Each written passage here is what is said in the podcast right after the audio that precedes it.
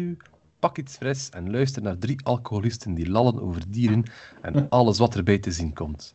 Ja, eh, je hebt het goed gehoord. Drie alcoholisten. Eh, er is eentje afgevallen vandaag. Wie zit hier bij mij? Alleen niet bij mij, hè. Ehm, over het WWW. Dat is Nick Yo! vanuit Zeistelen. En ja, ik zit met een plaag en met een veranda zit er een of andere dikke rat. Ik zeg, ik zal de micro voor zetten. Ik heb hem Jonas genoemd. Dus eh, die... Is dat weer omdat ik uit Kortrijk kom? Ja, het zal wel zijn. dus ja, Oh. welkom jongens. Welkom jongens. Jasper is er, is er niet bij. Ja, cause of reasons. En ja, vandaag was het vandaag het programma. We hebben nog wel eh, ja, een discussietje dat we in de groep willen gooien. Een beetje dierennieuws en een nieuw segmentje op het einde. Beastery. Dat we gaan in het leven roepen. Een beetje ja, een geschiedenislesje dat we gaan geven aan jullie. Eh, maar als eerste gaan we nog een keer een kleine throwback doen naar de, de vorige aflevering met, eh, met Pieter Berks. Waar er al wat eh, reactie op gekomen is. Waaronder van Bert Jonkeren, shout-out naar Bert, die vermaalde, of die aanraden om de boeken van Dave Golson zeker een keer te lezen. Waaronder Geroezemoes in het gras en de tuinjungle. Die vindt hij zeker een aanrader. Daar zou ook even de, de wereld insturen. Daar, waarvoor eh, dank Bert. En we hebben ook wel mooie foto's gehad. Hè, van, ehm, Ja. Maar ik moet er nog een paar online zetten. Ze zijn zeker nog niet allemaal, eh niet allemaal Ja. gepasseerd. Trouwens, merci daarvoor om, om foto's te sturen. Dat eh, kan alleen maar meer inspiratie wekken bij iedereen die luistert. En in het vervolg, als je iets weet van de, van de beestjes waarover we spreken of zo, of over het onderwerp, of je hebt daar zelf fotomateriaal of extra uitleg over, ja, twijfel niet en stuur het naar ons, zodat we het kunnen delen met de rest ook. We vinden dat superleuk als er wat interactie is met jullie en ons. Ja, uiteraard. Absoluut. En ehm, ja, wat, wat drinken we, jongens? Ja, Ja, begin maar. Begin maar niet. Nee, begin maar. mag- Maar hij was weer ik bij beginnen? zon. Ja, hij was weer bij zonder aan het doen oeh, Ah, Ah wel, ah wel, het is weer een biertje uit eh Beernem. Blijkbaar drinken ze graag in Beernem. Ja, aan de lang Dus dat is vergeten... hè, ja. Eh, maar ja, en niet alleen dat, de lang vergeten gloriedagen in het jeugdhuis daar in Beernem. Dat, dat kan ik alleen maar bevestigen dat er daar graag gedronken werd. Eh, nee, ik heb eh, de Biernemse smoefel. Oh, van de smoefelburger. Wel, dat is Oh, dus effectief een biertje dat ze gemaakt hebben. En is het Om- met pepersaus in, als ik het wel ah, nee, er zit geen pepersaus of andaloes in. Trouwens, eh, de, de smoefelburger uit, uit die frituur, de smoefel, is wel een van de beste hamburgers dat ik ooit gegeten heb. En dat biertje past er perfect bij. En, wat is de link met dieren? Het is gebrouwen eh, bij de Vliegende Paardbrouwers. Dat is toch een Hoedlem? Dat Ja, is waar dat ik niet ver van gewoond heb. Ja, inderdaad. Ja. Een lekker Oh, oké. biertje. Wat is het dan? Eh, een blond? Ja, dus eh, een, een blond biertje. Wat staat er hier nog allemaal bij? Ja, classic ingrediënten, niet te lang gegist. Eh 6%. Mhm. Dus ja, sava. En het is, het is lekker. Het, het gaat vlot naar binnen, ik zal het zo zeggen. Right, dat belooft. En jij, Jonas? Ah, ik zit een beetje hetzelfde aan het drinken gelijk jij vandaag, maar een andere versie. Ik zit een Lupulus Organicus aan het drinken. Ja, blond biertje ook, van brouwerij Lupulus. Hm. Just Fabulous staat erop van onderen, dus ja. En het staat een wolf op, hè, ja. Lupus Just Fabulous, voilà. Staat Lupulus ook niet voor wolf of zo? Ja, Ah, ja. Lup- Lupus is wolf, dus ja, Lupulus zal wel eh, een toespeling zijn. Ja. Ja, van mij is, is, is het ook Lupulus, maar inderdaad geen eh, gewoon Lupulus triple. Wel lekker, hè? We zijn dat wel goed binnen. ja, min ook. Dat, Dus, eh, dat belooft voor de opnames, jongens. we, Ja. hebben- we hebben er zeker niet om gedaan, het was puur toevallig, hè, Jonas, dat we hetzelfde mee hadden. ja, ik had bijna iets anders mee, maar ik ga het de volgende keer meepakken. Ah ja, het is dat. Het is dat. Bier genoeg, hè, man. Mhm. Zat er wel geen percentage op? Of wel? Ah, de mijne is 8,5. Oeh, Ja, maar redelijk pittig. this is going to be a very entertaining evening. Ja, we gaan hem weer mogen censureren, maar... Mm. Alright. Oh, dat was vuil. Zo drinkt in de micro. Dat ga ik waarschijnlijk moeten knippen. Of misschien ook niet. Of misschien ook niet. We zullen wel- we zullen Eventjes een beetje verdronken. Mm, Van de SWS Reptielkant is er niet echt iets te melden. Eh, het enige wat ik kan zeggen is, ja, eh, steun ons in deze moeilijke tijden. Allee, we hebben het allemaal lastig, maar het asiel eh, zeker en vast ook. Ik kom niks van fondsen binnen. Nu, we hebben een paar fondsen op poot, poten gezet, waaronder een snoepverkoopactie, die nu wel al afgelopen is, maar ik denk dat dat binnenkort wel nog een eentje zal zijn. En nu verkopen we ook eh, koekjes. Zelfgebakken koekjes voor uh, ja, Pasen, hè, zijn we binnenkort zeker. Ja. En kunnen ze daar iemand voor contacteren of zo? Of waar ik ga dat, op de, ga dat op de, ik ga dat op de Facebook zetten. Uh, want het is, niet via, het is niet via SOS zelf. En ik heb het nu niet bij me, de notes. Maar ik zal dat zeker op de Facebook zelf zetten van onder andere SOS en uh, Dierbaar, hè, zou ik zeggen. Trouwens, yes. Marijn zei dat deze week heel druk was in SOS. Uh, maar het is heel druk geweest. Ach, ik heb, ik heb redelijk wat computerwerk gedaan voor SOS. Ah, okay, zo. Dat ja. we wat bezig zijn voor um, cage-sponsoring op te zetten. Ik wil daar rustig eens meer over vertellen, zo wat cage-sponsoring. Dus we gaan een aantal terrariums maken. En uh, ik, zal maar, ik een voorbeeld geven. We hebben uh, een kaiman zitten. Die moet in, zit nu voorlopig in een gewoon terrarium. Maar we willen er uiteraard een hele mooie biotoop voor maken. Want die blijft bij ons. Uh, en dus is het plan om een bak te maken en die bak eigenlijk te verkopen aan bijvoorbeeld een bedrijf die daar dan zijn logo kan in verwerkt zien. Maar hij betaalt, dat bedrijf betaalt wel bijvoorbeeld ja, de inrichting en het opbouwen van dat hok en eigenlijk alles. Ja, dus e nice. eigenlijk wordt, wordt, het, wordt de leefomgeving van het dier deels een reclamebord voor het bedrijf die sponsort. Ja, dat klopt. En we, ja. zijn, we zijn bezig met um, daar zo wat ja, met, met die bestandjes op te stellen. Hè. Dat we kunnen doorsturen naar bedrijven van kijk, dat is het Kaiman-bedrijf. Dat zal er zo uitzien. Bent u geïnteresseerd, ja of nee? Om daar die logo in verwerkt te zien. En dan heb je uh, het bedrijf van de breedvoerhoofd krokodil, van de nijlkrokodil, de nijlvaraan, zo'n ding. Maak je allemaal aparte bestandjes op, want al die bakken gaan er uiteraard anders uitzien. En ja, dan zien we wie dat er geïnteresseerd is hè, om zoiets te doen. Ja, zeker... ja. Sorry, vergeet zeker Lacoste niet aan te schrijven dan. Het is heel grappig dat je dat zegt, want dat is, dat is al gebeurd. Zo, ja. Ze ja, ja. wel maar rond met polootjes. nee, maar dat is, dat is, al, dat is al gebeurd. Uiteraard nemen we alles met de logo's, van, met reptiele logo's. Hè. Of, of dierenlogo's. Natuurlijk, je kunt geen andere bedrijven aanspreken ook, maar voor ons is dat interessant om eerst deze keer aan te, aan te spreken. Hè. Oh, is dat bedrijf hier met die gecko als logo? Oef. Uh, ja, ik, ja. Ik, ik, weet het. Ik weet het. Bostik. Wat? Bostik. Nee, nee, nee, het is iets van kleren, hè. Uh, uh -huh. die Esprit of zo, nee.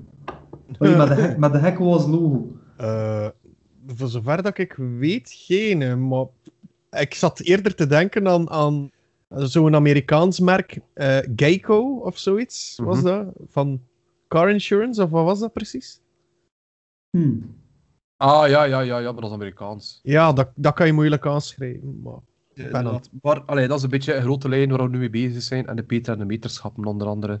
We zijn cool. ook aan het, aan het scherp stellen. Yes. Dus mensen die bijvoorbeeld geen bedrijf hebben, maar bijvoorbeeld zelf één enkel dierkeer wel ja, sponsoren, kunnen jaarlijkse bijdrage storten.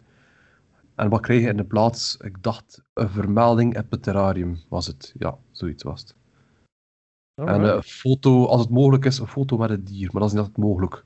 Want als je Peter zijt van een bijtschildpad, is dat niet zo interessant voor er een foto mee te trekken. Zoals je hem een totje geeft. Dan. Ja, wel, dat zou ik nu niet doen. Maar allee, even, op die manier is het behoorlijk druk uh, nu bij SOS. En ook met de verbouwing. Nee. Uh, ja, wel. Ik ging daar net over ook, vragen. Maar dat is ook heel druk voor de moment. Maar daar kan ik niet zo heel veel over kwijt. Ja, ik wou daar, want, wou, want wacht, wacht, daar... wacht, wacht. Ja? Maar ik wou, ik wou daar net nog iets over vragen, over die verbouwingen nu. Mm -hmm. Heb je niet te veel schade nu met die afgelopen dagen dat dat zo aan het stormen is? Nee, het valt goed mee op het moment. We hebben geluk. Oké. Okay. Nee. Dat is veel te beter, ja. Ja, nee, nee, het is dat. Maar de vorige jaar was er ook een keer een zware storm, hè? Ja. Dat hebben we wel schade gehad. Ja. Het viel op zich al mee, hoor. Maar nu, nee, nu is het voorlopig nog, uh, nog oké. Okay. Dus ja, dat is een beetje van de SOS-kant gewoon zeker uh, in de gaten. En wat die verbouwing betreft, de, op YouTube zullen er wel een paar filmpjes van komen. Op de SOS YouTube-pagina. Dus uh, dan kun je daar wel voldoende over volgen. Nu, uh, wat hebben we nog geregeld voor vandaag? Of in, in gedachten voor vandaag een keer te doen? Is weer een discussie. En uh, Nick had een, een, een luistervraag gehad, hè? Allee, van, van een, een, een gemeenschappelijke vriend ook ondertussen. Ja. Dus ja, Nick, ik ga het woord aan jou laten, wat ja. er uh, precies uh, de bedoeling is. Hè? Wel, het was eigenlijk een, eh, een vraag eerst aan mij persoonlijk gericht, daar ik in een dierenzaak werk. En het was eh, onze goede vriend eh Gorik, gekend vanuit eh, de Elven voor 12 een podcast als Gwo de Erginazi. Eh, Weer al een plug, jongen. Echt waar. Yes, Elke- maar elke- echt, maar we, hey, jongen, we moeten reclame maken voor elkaar. Hè. Mhm. Dat gaat ook nog komen, zeker keer dat wij terug opnemen. Moet er niet meer Ja, zijn. ja, ik juist zeggen, waar is die reclame? Ik heb het nog niet Helemaal rustig, jong, rustig, dat komt. Trouwens, ik zal nog een beetje reclame maken voor Gorik en voor een of andere app dat je kunt downloaden. Gorik doet momenteel eh, een rolletje eh, in het reclamestukje van eh Vinted. Misschien kent je dat zo, hey, vind je het niet, Nope. verkoop het dan of zo. Nee? Ik niet. Oké, wij vonden dat een pretty big deal, want die gaan nu wel op de... Die, je ziet zijn kop gewoon op zenders als VTM en Play en... Maar even, even voor de duidelijkheid, eh, ik, ik, ik heb geen, eh, geen, geen tv en geen digicorder, dus ik kan dat Ja, niet. ik ook niet. Dus, daar, dus daarom ken ik het niet. Dus mijn excuses. eh. Ben de hipsters. Maar het is niet van daar, het is niet van daar, maar Island en, en, en Big Brother laat maar zitten, zit op het. Ja, I get it, I get it, I get it. Eh, maar ja, hoe voor, hoe voor, hoe voor trots op, hè. Dat terzijde. Hij had eigenlijk wel een, een, een, een, goed, een goed argument, vond ik persoonlijk. Eh, nu, het zou kunnen zijn dat we hier op teentjes kunnen trappen. Dus al een kleine disclaimer. Voelt u niet aangevallen. We proberen hier gewoon een gezonde discussie daarover aan te gaan. Je mocht uw mening daarop geven op een respectvolle manier. Eh, we hebben hier een aantal invalshoeken. Ik stel voor dat we eerst eens luisteren naar wat Gorik te vertellen heeft. En dat we daarna onze inbreng geven. En ik, eh, ik heb een vraagje. Ehm, ik ben een beetje curieus naar uw mening over iets.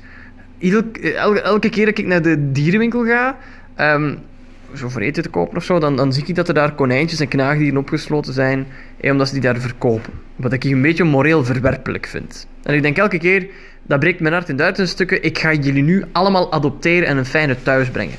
Maar twee dagen later denkt die manager, oh, we kunnen konijnen verkopen, winst, we gaan er nieuwe gaan halen.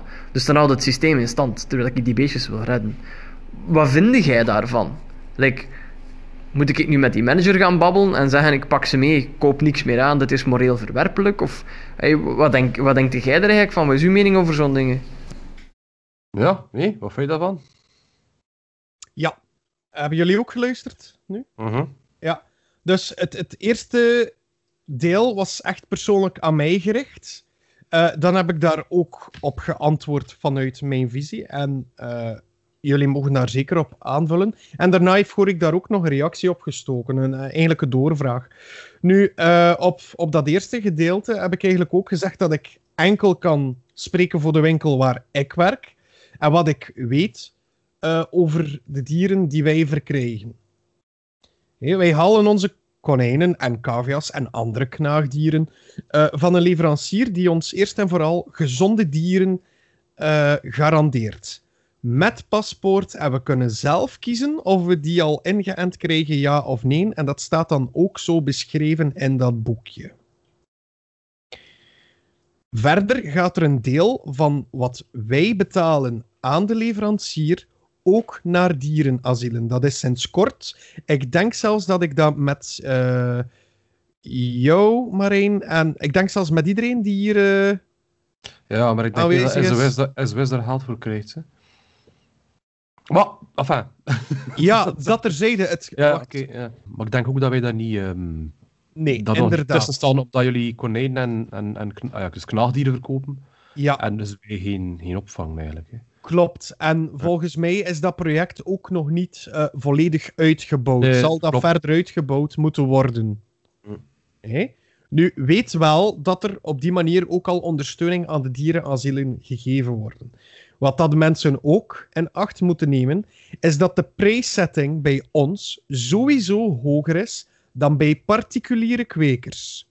En weet ook dat particuliere kwekers ook niet altijd, en hier komt het teentrapgedeelte waarschijnlijk, maar dat particuliere kwekers ook niet altijd even kosher zijn met hun dierenkweek. Ik eh, babbel dan bijvoorbeeld over honden en dergelijke. Bij konijnen gebeurt net hetzelfde.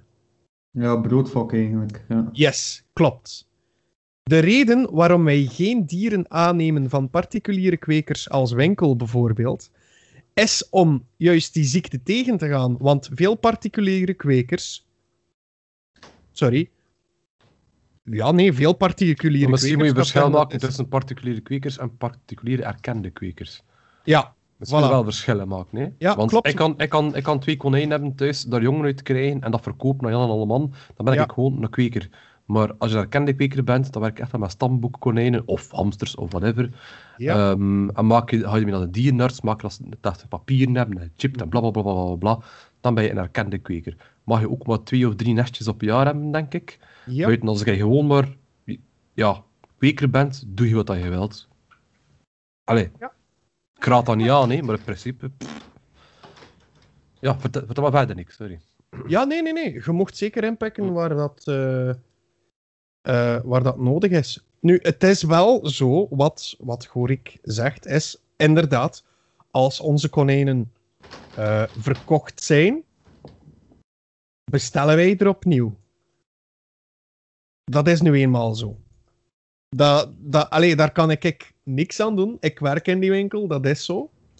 Wij bevragen onze kl- klanten ook heel kritisch. Het is niet dat wij zomaar zeggen van... eh ah, jij wil de konijn? Hier, alsjeblieft, hier is die. Veel plezier ermee. Wij gaan effectief ook gaan vragen van... Ah, heb je er al ervaring mee? Is het de eerste keer? Heeft u nog een... eh, heeft u nog een kooi nodig, een huisvesting nodig? We gaan effectief ook al gaan vragen.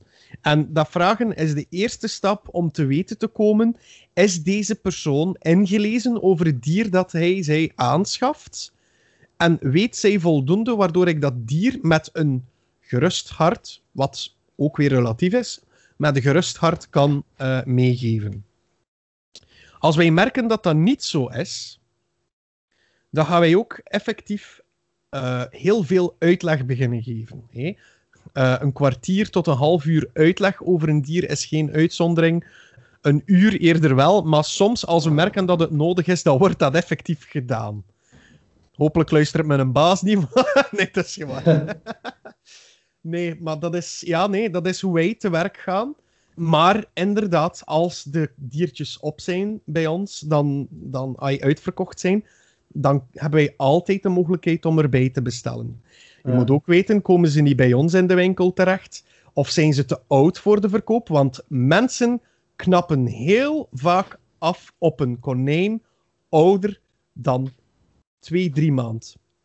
Ze willen een klein konijntje. Ja, zo'n klein fluffy dingetje, ja. Yes. En dat merken wij ook. Eh, en als dat gebeurt, dus als wij, ze, als wij ze niet rap genoeg afnemen bij de leverancier bijvoorbeeld, dan gaan er heel veel konijnen waarschijnlijk als voedseldier verkocht worden voor, eh, voor andere dieren en zo. Ik ben blij dat hij het zegt, Nick. Ja. ja. Dat ik heel ook Maar, zeggen, en eh, anders ging ik weer de grofzak zijn. Maar dat- Nee, nee Dat- maar ik ben, ik ben me daar bewust van. En eh, ja, Goor, ik vind dat inderdaad moreel verwerpelijk. En Ja, zegt van, kunnen we ze niet allemaal bij de, bij de asielen gaan halen? Maar laten we realistisch zijn, zonder kwekers en dierenwinkels zouden er in mijn ogen ook geen asielen zijn. En in geheel utopie zou er dan niemand, en nu ga ik heel ver gaan, maar in een geheel utopie zou er dan niemand dieren mogen houden. Ja, maar dat is een beetje de, de vibe dat ik ook wel krijg bij Horikse vraagstelling, niet? Ehm, dat die verkoop en aan C ehm, ja, moreel verwerpelijk vindt dan. Niet? nee, nee, want hij zegt, kijk, ik zou ze allemaal kopen en goed huisvesten. En dat kan niet. Want ik, ik weet wat hij gedaan heeft voor eh, het ene konijntje dat hij nu... eh allee, hij heeft er twee, maar één konijntje had wat problemen. Ik weet wat hij daarvoor heeft over gehad. Die, die gast zou door het vuur gaan voor zijn voor dieren. En, en dat snap ik volledig. Nu, hij heeft er ook. En ja, allee, bedoel... Snap je waar dat ik naartoe wil gaan? We zien allemaal graag dieren.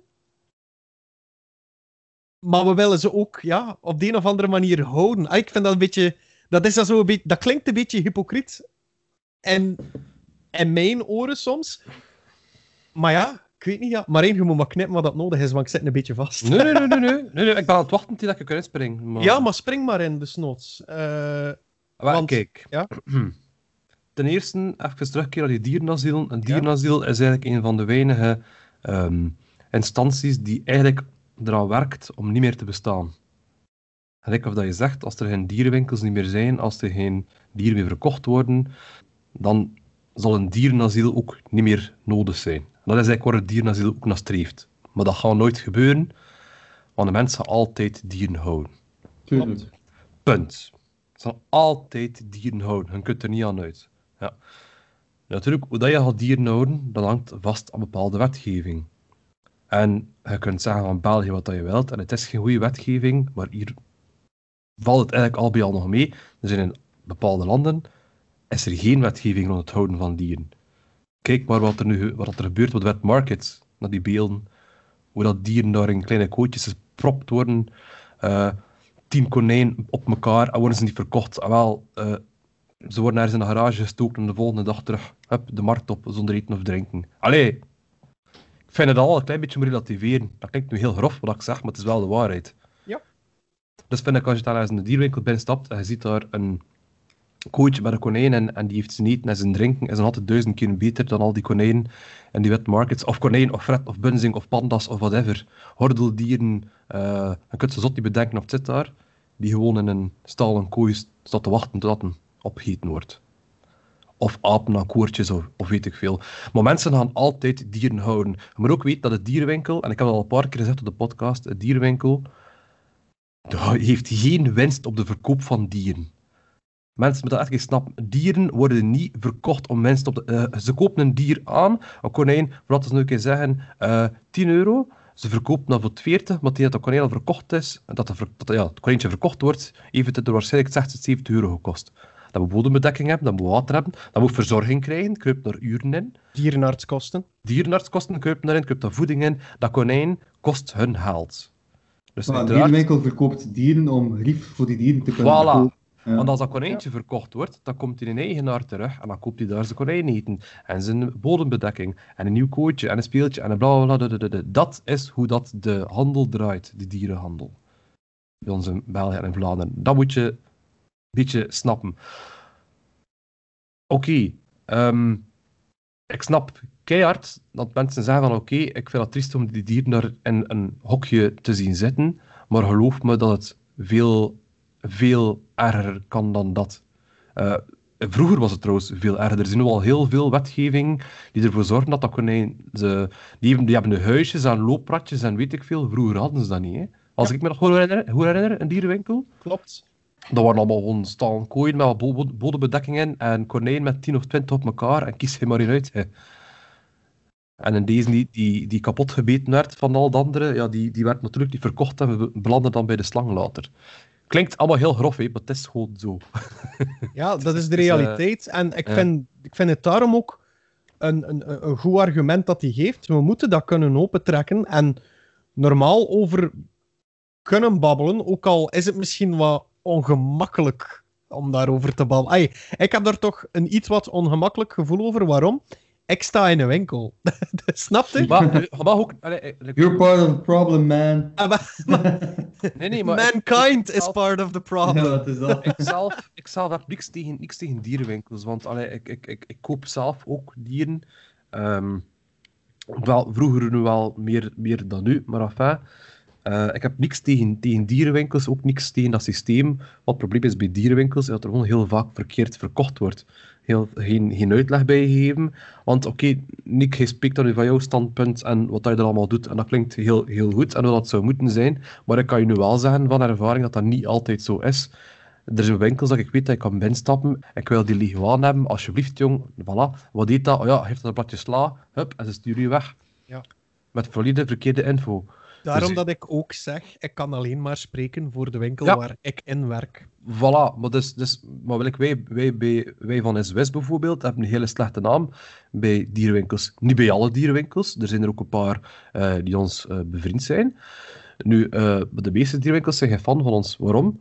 Vroeger, als er reptielen verkocht werden en de eigenaar wordt er vanaf, wat deed hij? Die stuurde ze terug naar de dierenwinkel, want het was het enige dat er was. En die dierenwinkel verkocht ze terug door. Maar nu zijn wij er en wij zijn een laatste halte. Die dieren komen bij ons terecht en oftewel blijven ze als mogen verkocht worden, oftewel worden ze geadopteerd. Maar die handelaar heeft er geen, niet twee keer geld op verdiend. Ja.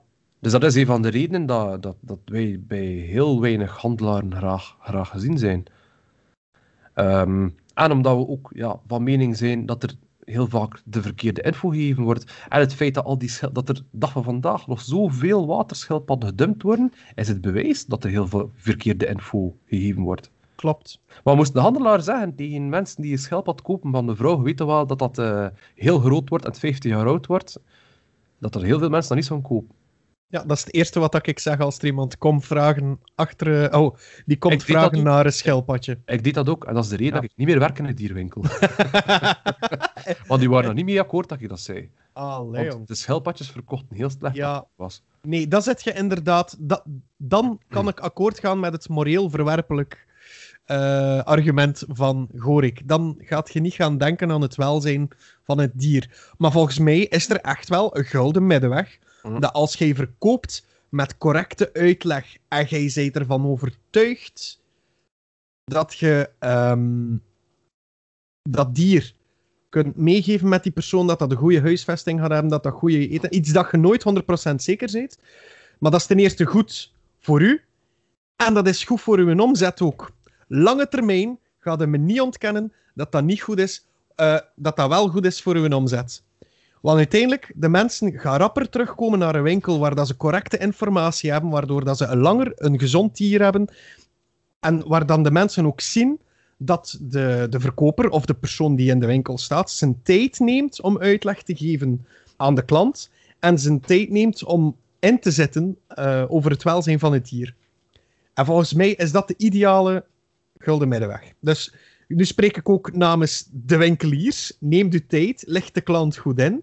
Je gaat er alleen maar meer op verdienen op lange termijn. Daar ben ik van overtuigd. Maar gaan de mensen dan niet dat, dat krap een beestje willen kopen, als je koopt en weg, andere oplossingen gaan zoeken? Eh, ja, dat is ook het probleem.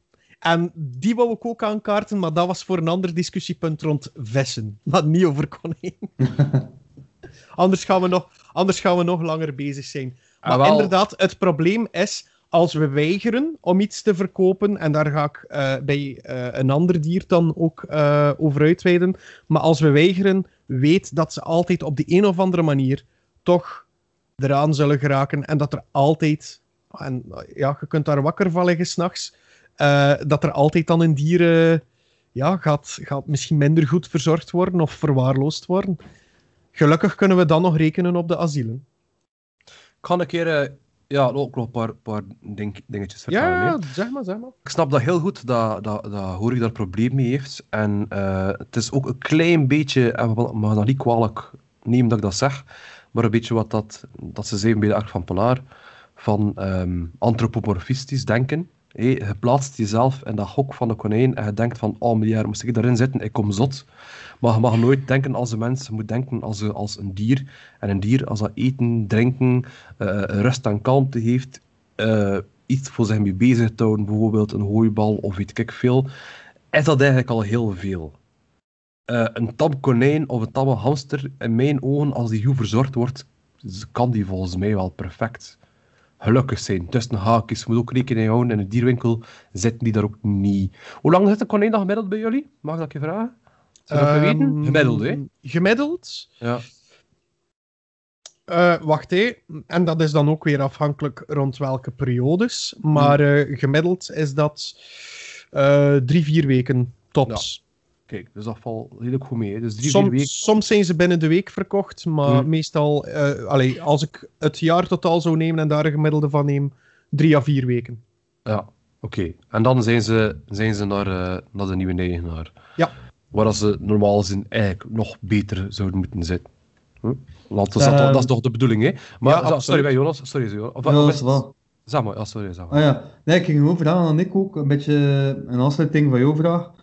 Like, de winkel waar dat jij voor werkt, Ja. heeft verschillende vestigingen. Hebben Ja. zij bepaalde richtlijnen voor het houden van de dieren, maximum zoveel in een kooitje, om uit te stalen? Ah ja, verstaan wat ik wil zeggen? Dus maximum met vier, maximum met vijf, en een kooi van die grootte. Houden ze daar rekening mee? Of is, ah ja, maar ik kan me voorstellen, de winkel waar dat jij werkt, zitten dieren goed. Mhm. Maar het wil niet zeggen dat, dat de winkel waar hij werkt, de, de winkel 20 kilometer verder, dat ze daar ook even goed zou zitten. Ja, die kunnen dan tegen de lamp lopen als ze controle krijgen. En zijt er maar zeker van dat er controle is, hoor. Dus jullie hebben wel richtlijnen dat je moet navolgen. Wij hebben richtlijnen die we Ah, moeten ja. navolgen. Het dierenwelzijn kan passeren. Eh, wij kregen ook controle van het FAVV rond dierenvoeding. Eh, het is niet zo dat wij zomaar wel de cowboys zijn die, eh, die doen wat we willen. Nee, wij worden ook gecontroleerd. Ja, ja. Eh, en ja, allee, ik vind dat goed dat dat gebeurt, want zo haalt je die cowboys eruit. Ja, absoluut, ja. Je, ga- Zeker. je, gaat er, je gaat er altijd hebben die op de een of, an- of andere manier wel ay, zich er kunnen uit lullen en zo. Maar allee, zijt er zeker van, eh, vroeg of laat lopen die dan ook nog eens tegen de lamp omwille van de ene zaak en dan komt de andere aan het licht. Allee, dat is wel. Ay, dat, dat, dat, dat wil ik u zwart op wit geven. Wij krijgen voldoende controle daar rond. Eh, er, is, er is ook zoiets dat wij moeten eh, opvolgen. Wij hebben zo'n lijst bijvoorbeeld. Dat we moeten eh, aanvullen wanneer dat de dierenartsen geweest zijn om te controleren wel- welke dieren er dan zijn toegekomen. Wij hebben daar hele lijsten van. Dus, allee, ja. Ja. En, en die, die paspoortjes die we nu meekrijgen, dat gaat zelfs tot aan de hamsters dat we die gaan krijgen. Hè? Dus de hamsters gaan binnenkort ook zo'n paspoortje krijgen. Hè? Maar mag ik daar ook een keer op inpikken? Want Ja. ik, was eigenlijk nog, ik was nog bezig met de relaas te doen. Hè. Ja, sorry. Want wat dat uiteindelijk mijn, mijn grote standpunt is, dat oké, geeft nu al die dierenpaspoortjes, dat ze mogen dat wel, maar wie moet er eigenlijk een paspoortje hebben? Dat is de mens die dat koopt. ja, De maar mens, de, want ja. oké, want oké, eigenlijk mag je, we mogen er eigenlijk niet van uitgaan. Eh, het moet wel, hè, dat die handelaar jou de juiste uitleg geeft, maar je moet ervan uitgaan, als hij dat dier koopt, dat hij daar alles van weet. Ik wil een konijn gaan halen in de winkel morgen en ik moet al alles weten van dat konijn. En dat beest moet hier al een kot staan hebben voordat hij hier zit. Dat, dat kot moet er al drie, vier weken staan. Voordat je dat konijn gaat gaan halen. Dat is een beetje mijn probleem. Dus ze smeten alles op die handelaars en die handelaars zijn fout en bla bla bla. En, en, en. Maar eigenlijk moet hij als, als eigenaar al perfect weten waar je mee bezig bent. Dat is een beetje het groot probleem. De wetgeving ook, en ik keer even terug naar reptielen, want dat is waar ik ervaringen heb. Ze stellen nu ons de fameuze positieflijst op, die is er nu sinds vorig jaar. De overheid, van, de overheid zegt van, die dieren mag je houden en die niet. Punt. En dus wat? Dus die dieren die niet op die lijst staan, die zijn niet meer te koop of wat? Die zijn wel nog te koop, hè? Ja. Zwarte markt, hè? Mhm. Ik ga over de grens en ik koop een kaaieman. ja, ja, Ik tuurlijk. ga over de grens en koop een ratelslang. Dus de, wetge- de, wet, de wet wil niet zeggen dat die beesten verdwijnen in het niks. Dus waar wij ik er naartoe, ik naartoe gaan, en ik denk dat ik in die podcast dat ik nog een paar keer ga herhalen, is ook waar dat SOS eigenlijk 100% achter staat, is eigenlijk een vergunningssysteem voor een diereneigenaar. En voor elk dier. Als hij hamster wil kopen, vind ik, of vinden wij, dat je eigenlijk zo moet een vergunning moeten hebben om een hamster te kopen. Beetje zoals een rijbewijs voor een auto, maar Tuurlijk, dan een, een houdbewijs van een huisdier. Ik ga daar, zijn. ik ga daar zijn. volledig mee akkoord. Allee, ik ga daar Ik- volledig hoe, mee akkoord. hoe makkelijk zou dat niet zijn dat hij nu Mhm. bijvoorbeeld, dus morgen komt iemand binnen in je winkel en zegt ik wil een hamster kopen. En hij zegt, heb je daar vergunning voor? Ja, voilà, baf. En met die vergunning weet hij dat die mensen jaren naar school geweest is daarvoor, een avondschool, eh, dat die mensen een bewijs kan geven dat die beesten daar goed gaan zitten, dat hij al verblijf heeft eh, die groot genoeg is, maar dat alles al in orde is. Ja, oké meneer, je hebt de vergunning, ça va. Je hamster is daar, veel plezier ermee. Voilà. Is dat niet fantastisch? Ja, ik ga daar volledig voor elk, voor elk dier, hè. Wilt die Dat- mensen volgende week een een parkiet kopen? Ah, ja, ga je nog maar een keer hard naar school voor een parkiet te kopen. En dat klinkt allemaal heel grof en heel, heel zwaar, wat ik nu zeg. Maar mensen, hoeveel parkieten, hoeveel hamsters, hoeveel baardenham worden er niet verdomd in de vuilbak gesmeten? Letterlijk. Letterlijk. Omdat ze gekocht worden als impuls en dan de volgende dag zeggen ze, ah, ja, ben er eigenlijk niks mee, bah, vuilbak in. Letterlijk. Ja. Buiten als ze zeggen, oké meneer, je gaat die parkiet kopen, maar gaat er wel eens een jaar of twee voor, eh, voor naar school gaan, ga je wel iets meer zorg dragen voor die parkiet, denk ik. Of ga je dan tenminste halverwege Ja. die cursus al iets hebben van, hmm, misschien is het toch mijn ding niet. Ik heb het al een beetje gehad.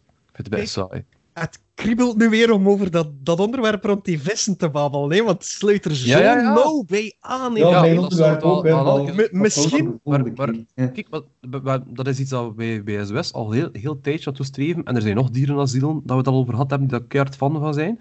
Maar dan ga je daarmee naar, waar, naar wat hogere bazen, al bijna naar dierenwelzijn toe, eh, waar dat we dat probleem aan aankaarten. En dan krijg je als antwoord, ja, maar ja, dan moet mijn dochter van vijf jaar een examen afleggen om een schelpad te houden. Ja.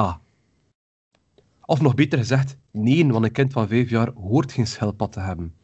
Pas op. Maar van vijf jaar nee. Maar pas op, ik heb heel vaak mensen in de winkel waarvan het kind echt op gelijk niveau zit van wat dat ik weet van een dier. Dus, en dat, dat is dan Dat zal ho- misschien 5% zijn van de kinderen. dat is, dat is hoger. Ja, ja, absoluut. Maar allee, om maar te zeggen van soms is het beter om de kinderen het te laten leren, nu al, dan de ouders het nu nog iets te leren. En Ja, oké. Ik wil nu Dat weer beginnen over die vest. Nee. Dat is Ah. waar, dat is waar, dat is waar. Maar, maar oké, stel dat jouw dochter nu eh, een, een, een hamster wil hebben. En wel, dan ga je een van de twee een cursus moeten volgen. Hè. Dat is de, oftewel hij dat, oftewel je, oftewel je vrouw. Punt. mogen bij, eh, bij papa op de schoot zitten nu. En eh, dan gaan we eerst een keer eh, kijken wat dat er daar allemaal mee moet gebeuren en zo. Snap je dat ik, dat ik, Ja, dat ja, ja. een beetje wil zeggen? Want ik, ik, ik snap ook dat, dat, dat, dat nobele dat, van, van hoor ik van ja, ik zou ze allemaal willen kopen, maar ik ga je je toch vertellen, er is niks zo irritant, en dat gaat nu heel arrogant overkomen wat ik nu ga zeggen. Hè. Dat je zegt, Nick, van die hele huisjes, Ja. maar er is niks zo irritant dan een telefoon krijgen van een mens die zegt, ik heb hier een schelpad gered, kun je hem overpakken? ja, dat is... Heel irritant. Want iemand beslist er in jouw plaats dat een dier daar niet goed zit. Die pakt dat over en zadelt ons dan mee op. Terwijl dat wij ons, dat schildpad letterlijk uit onze, vanuit onze dakgoten lopen. Ah, Maar dat wou ik dan ook En- en- uit zijn. dus- de kwaliteit van de zorg bij jullie zou er dan eventueel op achteruit kunnen gaan. Maar natuurlijk gaat dat Want achteruit. jullie hebben Want ook ik- maar dat maar- zoveel plaats, hè? Ik zeg, dan, ik zeg al tegen iedereen die schelpad bij ons komt brengen. Maar ja, je had hier toch goed zitten, hè? Eh, mevrouw, meneer, hij kunt veel beter voor één dier zorgen dan wij voor 250. Ook al hebben we er meer kennis over. Zo simpel is het. Ja? En eh, dat gebeurt heel vaak. Van weldoeners die zeggen, ik heb hem gered, pak je hem niet over. En eh, sorry, ik word er heel kwaad van. Want dan, nee, maar, maar ey, je moet ook, moet ook rekening houden, wij vragen er ook geld voor. Hè. Dus als hij, Nick, als hij schildpad wil geven aan ons, hè, dus je hebt het schildpad zitten, je wilt er vanaf. Wij vragen dan 25 euro voor. Ja. Oké, maar Jonas redt een schildpad. Hé, bij Dat is iemand- dat, dat hij dat ziet zitten, je ziet dat ergens zitten, hij zegt, oh dat beestje is zo triest, hij zit te klein en bla bla bla. Je redt dat beestje, hij belt naar ons, ik wil het overpakken. En wij zeggen, ja dat is 25 euro. Oeh, ik heb hem gered. Hoort dat, ik weet niet veel. Dus wat, dus nu moeten wij plots gratis werken. Maar Ja, ondertussen dat- kost dat... Maar ja, nee, ik, ik weet dat dat enorm arrogant en zeer ondankbaar klinkt van ons, maar dat is echt... Ik, ik heb het daar heel lastig mee. Ja, jullie kunnen ook maar zo'n telefoontjes, te, met zoveel telefoontjes te krijgen. Ondertussen puilt dat asiel uit en moeten wij maar die dieren gratis overpakken en niemand heeft er ons ook maar één frank voor iets. Pas op, we doen dat ook omdat je dat graag doet en omdat je die dieren wil helpen. En die mensen, dat komt ook vanuit een goede bedoeling. Hè. Ik snap Ja, dat heel hard. Hè. Ehm, dus daarom, ik, ben daar nooit, ik ga daar nooit eh, zichtbaar kwaad op zijn op die mensen. Maar van binnen, oeh. ik heb echt altijd zoiets van, laat ze beter zitten waar ze zitten. Want eh, als je ze op een hoop gooit van 200, 300 dieren, dat is zeker niet beter hoor, geloof me. Dus wil ik een beetje zeggen, ehm, adopt, don't shop. Hè. Ja, schelpatten zal ook niet gaan, hè, maar één, want Nee, ze blijven bij jullie, hè. Nee, nee, nee, ze moet bij ons blijven. Nee, Ja? inderdaad. inderdaad. Maar dat kan even eh, vanuit het hart. Maar En, en, en nogmaals, eh, vergunning. Hond, kat, hamster, houtvis, alles. Elk dier. Elk dier moet een vergunning krijgen. En hoe groter en hoe gevaarlijker het dier, hoe, hoe meer jaren dat je vanuit school gaat. Ah, en wie had die cursussen geven, meneer? De dierenasiel had die cursussen geven en gaan er geld voor vragen. En gaan eindelijk een keer een beetje geld hebben om te investeren in shit. Voilà, dat was mijn relaas. nee, ja, het is, het, is, het is goed. En je merkt ook dat het, dat het vanuit, de, vanuit de zekere diepte komt dat je dat zegt, man. Dus het is oprecht ook, hè. Allee, ja. Tuurlijk. Ik Ehm, 100% achter, omdat je de zwarte markt niet kan tegenwerken. Als ze morgen, als ze morgen konijn ver... Ja, ja, maar kijk, maar één, maar één, maar één, Ja, ja. De zwarte markt tegengaan, laten we eerst een keer... eh, als er een reguliere markt blijft, gaat de zwarte markt niet groeien. Dan spreek ik Nee, voor mijn eigen winkel. ja, maar stel nu Nick, dat ze morgen zijn... Want, allee, wat, wat dat je daar zegt, was dat Jonas die dat zei, van, oké, ze willen eigenlijk alle dieren dan eigenlijk niet meer te koop stellen. Maar Mhm. dat is bijvoorbeeld wat een, een, een instantie like Gaia wil, hè. Gaia, die wil geen enkel dier in de handel zien, in de, in de rekken, nergens. Wil die dieren zien. Dat is uiteindelijk het doel van Gaia. Wat het een nobel doel is, ja. Er is daar niks verkeerd op te zeggen. Maar dat gaat nooit gebeuren. En stel nu dat we morgen zeggen, oké, we verbieden de verkoop van konijn. Denk dat geen konijn niet meer gaat verkocht worden misschien. En dan vanaf gaat dat- iedereen beginnen vleeskonijn kweken. Want dat gaan we nog mogen voor Ja, maar vanaf, vanaf ook... Ah, wel, ik vanaf dat je ook de verkoop vanaf dat je ook de verkoop verbiedt ervan, dan valt ook alle andere wetgeving er rond weg. Ja. De wetgeving rond de, de, de grootte van de huisvesting. Eh, eigenlijk alles valt weg. Je kunt ermee doen wat je wilt. Dat is hetzelfde met drugs. Drugs is illegaal. Je kunt ermee doen wat je wilt. Je gaat wel in de bak vliegen als ze, als ze, uit, als ze erop uitkomen. Maar tot dan kun je ermee doen wat je wilt. En dat is hetzelfde met de zwarte markt. Dat is wat er nu aan het gebeuren is met, eh met de reptiel. Met de 420 soorten die je mag houden, allemaal geen probleem. En al de rest, die toch nog te koop zijn, kun je doen wat je wilt. Mhm. Want je mag ze eigenlijk toch niet hebben. En zolang dat ze er niet op uitkomen, doe ermee wat je wilt. Steek de kaiman in een salontafel. No problem. ja, ja, ja, nee, nee, nee, Nee. ik snap wat dat je bedoelt. en maar het, is, het is voorbeeld dat gebeurde is uniek. Je lacht erbij, maar dat is dus al gebeurd. hè. Is dat echt? Als die wijkagenten daar niet op uitgekomen zijn, dan zat die kaiman niet bij ons. Oh my god. Dus, voilà. Dat, wil ik maar zeggen. Ja, Dus, wel. Dus oké, dus die, die, die konijntjes, ehm, die zitten dan misschien triestig in de winkel, maar ze zouden nog triestiger zitten moesten ze in de zwarte markt terechtkomen. Dat is waar. En was het- Jonas wou ook iets zeggen, hè? pardon. Eh, maar ja, ik ging een beetje advocaat van duivels spelen eigenlijk. Ik pakt, eh, ik, ik heb eigenlijk een kientje. Ja, ik wil kiekjes kweken voor mezelf. Moet ik dan ook zo'n paspoort hebben? Ja. Ja. Zelfs dat ik niks zei over die vleeskonijn. Oh ja, dat is zo'n eh, advocaat van duivels Ja, spelen. ja, maar dat was, toen maar. dat, de wet, dat was toen dat de wetgeving zou wegvallen, dat Marijn dat zei. Van, eh, dat hij zegt van het is verboden om dieren te houden. eh, om huisdieren te houden, dan gaan ze inderdaad overschakelen naar, naar dieren voor voeding.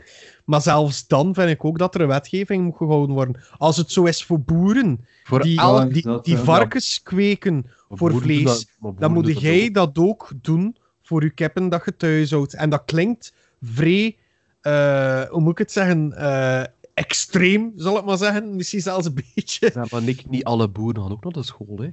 Ah, ik bedoel daar niks slecht Ja, mee, hè. Maar, de Maar ja, hele- ze zitten wel nog, Nee, al- nee, nee, nee, nee. ze zitten wel Nee. nog altijd met de wetgevingen en vergunningen, Ja, maar. hè. ja, ja, ja, ja, 100% met akkoord. En ik ben, er, is niks, er is niks tegen boeren, want ik werk met boeren. Ik werk zelf in de landbouw. Dus niks op tegen. Maar heel veel eh, landbouwbedrijven werken van, van, van vader op zoon, of moeder op zoon, of moeder op dochter, whatever. Ehm, die werken op die manier. Eh, Je hebt ook al heel veel landbouwrichting, akkoord. Maar er is nog altijd iets anders dan, dan een dierzorgrichting. Ik bedoel er echt niks slecht mee. Maar wil ik maar zeggen, eh, ik denk dat er dat best wel nog extra cursus... En pas op, er worden cursussen gegeven. Mijn, mijn werk doet dat bijvoorbeeld. hè. Ilvo is daar continu mee bezig. Hè. Verbetering van dierenwelzijn en cursussen uitsturen. Dan zeg ik ook wel zeggen dat het in landbouw wel redelijk, redelijk kosher eh, eraan toe gaat.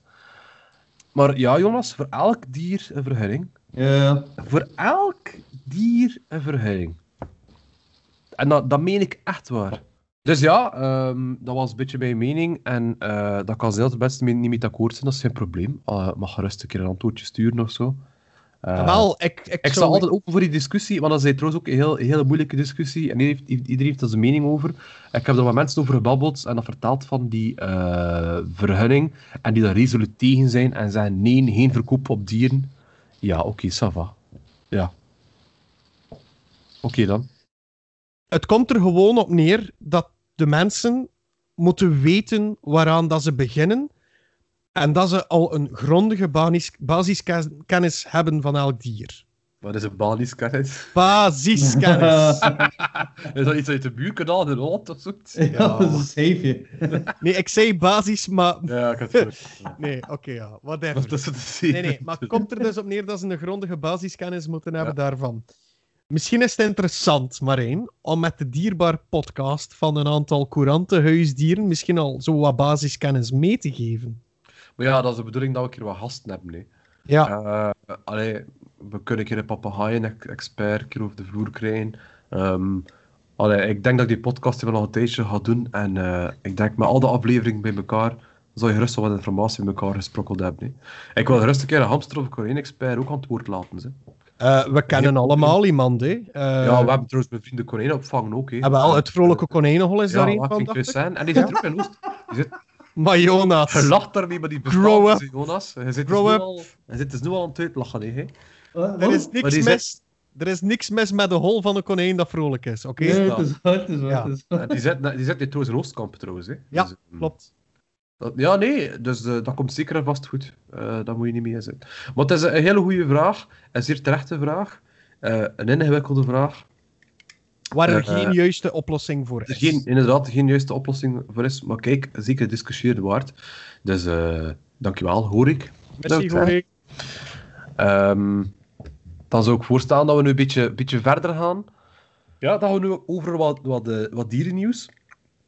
We hebben niet zo heel veel op het menu staan eh, voor deze aflevering, maar enfin, maakt niet uit. We hebben ook lang gediscussieerd, hè, jongens. Ja, maar het was een interessante discussie. Ja, zeker. En er kwam veel los bij jou ook, Marijn. Ja, nee, het zal wel zijn. Nee, zal wel- En dat zal wel nog gebeuren ook. Ik ben een gevoelig mens, hè, Nee, nee, maar dat... ja, nee, dat is wel waar. Maar eh, het, het, eh, het nieuwsje dat ik mee ga beginnen is eh, Snapping Turtle Vocalization and Nest Emergence. Wat wil dat allemaal zeggen? Wel, ten eerste, het gaat over de, een van de coolste schildpadden dat ik het al een keer over gehad heb. De beetschildpad, de gewone beetschildpad. Dus het gaat over ja, het gel- geluiden of vocalisatie bij schildpadden. Wat is dat zo speciaal aan? Wel, ten eerste, reptielen maken eigenlijk geen geluid, of zo goed als geen geluid. Mensen denken altijd dat slangen brullen, krokodillen brullen en eh, weet ik veel. Maar eigenlijk, reptielen maken zeer weinig geluid. Er zijn maar een aantal reptielen die dat wel doen. Eh, een aantal gekkootjes doen dat. Tik-chak, uh, tokechts. Krokodillen maken ook geluid. Alligators ook. Denk maar aan het, eh, het burrelen. Ken je dat, burrelen? Ja, van hart, hè. Ja, maar alligators doen dat ook in de paai, in de paaitijd. Ehm, dan gaan alligators zo met hun rug boven water komen, als ze zo brullen, zo, ja, heel echt, ja. Ja, en dat water danst zo. Ik heb het ooit een keer in het echt gehoord, dat is fantastisch, dat geluid. Dat is Ja. niet normaal, dat gaat de merg en been. Super, super cool. Eh, en schildpadden. Schildpadden maken ook geluid. Dat wisten ze al eerder. Weet je wanneer dat schildpadden geluid maken? Hij moet dat weten, Nick. Wanneer maken schildpadden geluid? Wacht, ze. Je weet het zeker. Als ik het ga zeggen, ga je zeggen... Flatulentie? Nee, Eh, tijdens de, Ja. tijdens de seks. ah, maar ja, ja, Ah ja, natuurlijk. landschappan inderdaad. Ja, tuurlijk. In de zomer is dat hier eh, een orkest van... Eh, Ja, dat klinkt eh. super En dan, hij- eh, dan heb ik die oren en die hadden zo meer... eh. Echt serieus? Ja, landschildpadden maken een enorm grappig geluid tijdens Oh, maar ik paar. weet je dan nog, in Zuid-Afrika, die, die twee enorm grote Dat landschappan... hij dat geluid maakt. Wat? Eh. Nee, nee, ja, inderdaad. Ehm, in Zuid-Afrika dan waren die luipaardschildpadden. En eh, in Paradise zitten er ook heel grote sporenschildpadden. En als die paren dan zo... Super grappig, maar dat is al langer was maar één met een kater. Dat kan ook. Dat kan ook. Maar de schildpadden, landschildpadden maken geluid tijdens het paren. Maar reptielen hebben bijvoorbeeld niet echt geen stembanden. Ehm, dat is trouwens ook de reden, om even al voor te lopen op het dino-nieuws, eh, dat ze vermoeden dat dinosaurus bijvoorbeeld niet brulden zoals eh, in Jurassic Park. Omdat eh dinosaurussen dichter staan bij de vogels, die wel een stemband hebben, of eigenlijk een sierings hebben. En dus vermoeden ze dat dinos dinosaurussen waarschijnlijk meer kwaakten zoals een eend, of fluiten een vogel. Ehm, Zo'n T-Rex. Kwak, kwak. ja, maar ja, waarschijnlijk was het wel zo. Want Een van de theorieën van, eh, van de Tyrannosaurus was dat hij ook zo'n laag gebrom had, zoals die krokodillen. Ja, inderdaad. Dat kan Ja. ook inderdaad wel. Maar ze hebben dus niet echt geen, geen. Nu, waar gaat deze paper over? Eh, ze hebben dus ontdekt dat eh, jonge beetschildpadjes die uit het eiwel komen, wel geluid maken. Eh, denk nu niet dat je dat zelf gaat doen. Dat is heel licht en heel, heel, heel fijn. Ik ga niet zeggen ultrasoon, maar allee, moet daar echt wel goed luisteren. Ze hebben een soort van, ja, ze hebben een aantal van vijf verschillende soorten geluidjes ontdekt. Ja, een lage piep. Eh, een soort, ik weet niet, heb je al gehoord die krokodilletjes die uit het ei komen? Ja, dat dat is maakt ook een geluid, hè? Ja, ja, wel, zoiets gelijkaardig is het eigenlijk. Nu, eh, waarom doen ze dat? Krokodillen doen dat bijvoorbeeld ook in het ei. En die doen dat eigenlijk om ook de moeder te roepen. Eh, want krokodillen doen aan nestzorg. Hè. Ja. Dus die komen allemaal uit het nest en de moeder blijft erbij en die, die zorgt voor de jongen. Nu, schildpadden staan niet echt gekend voor aan broedzorg te doen. Er is één soort die het een beetje doet. Dat is een Zuid-Amerikaanse eh, waterschildpad. Eh, en daarin is al, een beetje, is al bewezen dat die jongen ook geluid maken en de volwassen dieren ook. Die communiceren met elkaar. Maar dat is meer in de zin van: oké, eh, de volwassen dieren zitten daar, de jongetjes gaan er naartoe en die blijven allemaal mooi bij elkaar. Als de volwassen dieren migreren, maken ze ook een soort geluid aan de jongetjes mee. Maar dat is niet echt een soort van. Die beschermen elkaar niet echt, maar die zorgen wel dat ze elkaar kunnen vinden in de waterplas. Dus je weet nu al dat dat bij, schildpad niet het geval is. Dat zijn geen sociale dieren. Dus waarom doen ze het dan wel? Wel, eh, om eigenlijk allemaal samen uit het ei te kunnen komen.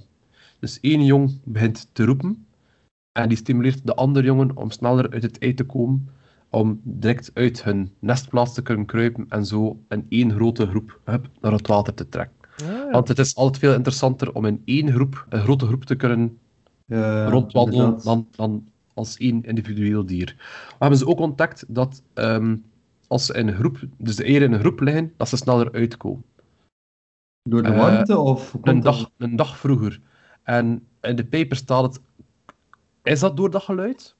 Omdat ze elkaar roepen, dat ze elkaar stimuleren? Of is het inderdaad een andere factor? Ze zijn er nog niet zeker van en ze moeten nog wat meer onderzoek doen. Maar het is wel een feit dat als je één ei alleen uitbroedt, dat die veel trager uitkomt. Of dat aan dat geluid ligt, aan, dat, aan die, die vocalization calls, dat, dat ze nog niet, nog niet zeker. Zou niet eh, in de warmte kunnen liggen, warmtebehoud of zo? Ja, wel, dat moet, ik zei, het, ze moeten nog verder, verder, verder onderzoek doen erop. Dat kan, dat kan. Het is ook zo dat dieren die uitkomen in een groep veel meer energie en iets zwaarder zijn. Dat ze iets meer energetischer zijn ja, en ook veel zwaarder zijn, dus dat ze minder energie verspild hebben om uit het ei te komen. Waarschijnlijk ook doordat omdat ze elkaar stimuleren, komen ze ook sneller uit en verdoen ze minder, minder energie. ah. Ja. Dus dat was wel, eh, wel interessant eh, om een keer eh, te horen. Ik ga kijken, maar ben het niet zeker. Maar ik ga proberen die geluidjes in de podcast te steken. Maar En, anders, en anders het clipje in de, in, eh, op de... ja, het was een pagina. paper op YouTube. Het was een keer heel interessant. En je, kan een keer, je kan zelf perfect een keer meeluisteren. Het duurde 14 minuutjes. Heel de uitleg eh, op YouTube. Ik ga het zeker in de show notes zetten. Oké. Dus ja, dat was mijn nieuws over de bijtcel. Nice. Ik heb ook- Is dat uw hond dat ik hoor snurken? Ah, is dat... Ja, hoor je ze? Ja. Hm. Ja. Ja, ja, beste luisteraar, eh, Sansa snurkt hiernaast. Ah, ik dacht even dat er een opgezette auto door straat. Ah, ja, ik ook. Maar ja, hier een aflevering. Het is dat de. Ja, maar het is een halve Stafford en dat is zo'n beetje, ja, dat, ja, een beetje zwaarder. maar laat dat beestje maar doen. Goed, ik heb ook nog een nieuwsje. In Borneo is er een dier teruggevonden, of eh, herontdekt, zal ik beter zeggen, want het gaat niet over hetzelfde dier, het gaat eigenlijk gewoon over het diersoort. Eh, na 172 jaar niet gezien te zijn. Zot. Dus ze hebben 172 jaar de Malacosincla wacht ze, perspiciata niet gezien. Je zijn waarschijnlijk niks wijzer daaruit gekomen over welk dier dat het gaat. Ja, wel, perfect. Ja? Dat is, dat is, Ja, dat is een andere- eh, dat is een of andere schaamluis of zo, hè? Eh, ja, voor u misschien. Maar ja, voor u zou dat er kunnen doorgaan als een schaamluis. Maar eh, we hebben het over de zwartbrouwmuistimalia. Eh, Ja, weet je een dan al welk dier dat is? Ja, het is, een, het is een vogel, hè? Het is wel een Ja. mooie vogel. ik ken hem Het is een vogel, het is een mooie vogel. Het doet mij eh, een beetje denken aan een donkere wielenwaal. Om die, Ja. Op de een of andere manier. Ja, ja. Mij doet pijzen dat zo'n beetje een soort like, bijnieter. Ah, niet ja. Zwat. Ja, oké. Nu, dat, dat beestje is dus teruggevonden in, eh, in Borneo. door twee bewoners die deelnamen eh, aan een groep om de diversiteit van de vogels in kaart te brengen. Dus ze waren gewoon een materiaal gaan gaan halen ergens en ze zien dat vogelke daar eh, weg en weer vliegen. Ze hebben dat dier dan proberen te vangen. Ze hebben er foto's van genomen en weer vrijgelaten dan. En eh, dan hebben ze de lokale birdwatchers eh, gecontacteerd om te laten bevestigen dat dat eigenlijk over de zwartbrouwmuis Timalia gaat. Eh, dat dier werd voor het eerst beschreven in 1850 door Charles Lucien Bonaparte. Die Broer van? Is Of dat, een, nie- is van? dat een neef of een broer? Of, ja, of, Ah, of wel. een bastaardkind? Ah, wel. Eh, wacht ze, ik had die hier ergens staan. Wacht ze. Kijk. Hij was de zoon van Lucien Bonaparte, een jongere broer van keizer Napoleon I. Dus Napoleon Bonaparte. Dus het was een neefje eigenlijk dan. Het was, voor zover ik het hier interpreteer, een neef, inderdaad. Ja, Ik wist niet dat het een vogelaar was. Eh, het was een. eh, wacht, ze, het was een, een Frans ornitholoog en politicus. Eh, kijk, voilà. Voilà, dat, dat leer je. The more you know. Mhm. Eh, nu ja, dus die heeft dat dus ehm, beschreven, gebaseerd op een exemplaar dat al vanuit de jaren 1840 dateerde. Ja, cool. Het Ja. is wel een, cool volk, hè. Ja. hele coole ogen van dat, dat rood. Ja. Dat is wel heel schoon. Gasten, stel je Ja, even voor. basic. Aan de lupulus. Hey, maar stel je nu een keer even voor. Hé? We lopen hier rond met onze app dat we zo vaak gebruiken, eh, waar dat we nu geen reclame meer voor gaan maken. hé. We zijn beestjes aan het fotograferen en plots erkent dat systeem dat niet. En zit er plots een te zeggen van, hé, maar gast, dat beest is hier in zoveel jaar niet gezien. Dat gevoel dat je moet hebben, dat moet toch zot zijn? Dat moet echt de maxen, ja. Allee, ik had dat gevoel al toen dat ik hier een volwassen mierleeuw op mijn hordeur zat zitten. Ik bedoel, allee, ik had dat Oh, nog nooit gezien. had. Ja, ik heb een mierleeuw op mijn hordeur gehad. Nice. Maar dat is trouwens niet zo heel zeldzaam. Ah, wel, maar dat was dus de eerste keer dat ik dat zag. Dus stel je voor dat je, dan te, Ja. ja, dat je dat te weten komt, dat dat beest in 172 jaar niet gezien is, gelijk die muis. Tim. Eh, Maar er, zit Eh, nog, er, is nog, er is nog veel, ze. Allee, nog veel die ontdekt en herontdekt moet worden. En even eh, de, de moeder van alle herontdekking, de, de, de silakant bijvoorbeeld. Ja. De uitgestorven vis, waarvan ze dacht dat hij al 22 miljoen jaar uitgestorven was. En dat plots vinden ze hem ergens op een markt in Zuid-Afrika. ja, nee. eh, En dat was echt dat, dat, dat verhaal. Ja, nee, dat, dat is echt ah, oké, dacht dat dat Die soort van of zo. Ja. Nee, nee, de silakant bestaat nog, maar die zit redelijk... dat is geen, wel geen is diepzeevis. Niet? Nee, nee, nee, het is geen diepzeevis, maar die is, Ah. dat is een hele trage vis. En die is zo vooral zo in spelonken, onder, onder steen, zo onder rotsblokken. Die gaan niet zo heel vaak in de open oceaan. De Die van wordt- de vissen. Ja. Maar die wordt wel regelmatig die wordt wel gevangen. En zo hebben ze hè, op de markt. Afri- een Afrikaans marktje. allee, jongen. En nu met die vogels is het een beetje hetzelfde. Dat is gewoon toevallig. Je zei daar eens vogels aan het tellen. En dan plots zeg je van... Hmm, deze zou je niet meer mogen zitten. En kijk, voilà. Nu, het, de status van die vogel is direct eh, als ernstig bedreigd Tuurlijk. eh, geschouwd. Zal wel zijn. Eh, waarom? Blijkbaar is er in Borneo ook redelijk wat boskap. Mhm. daar ben ik niet van op de hoogte hoe dat is dat dat daar ja, ja, ook in. Borneo? Palmolie en zo- ja, ja, ja. Ah ja, kijk, voilà.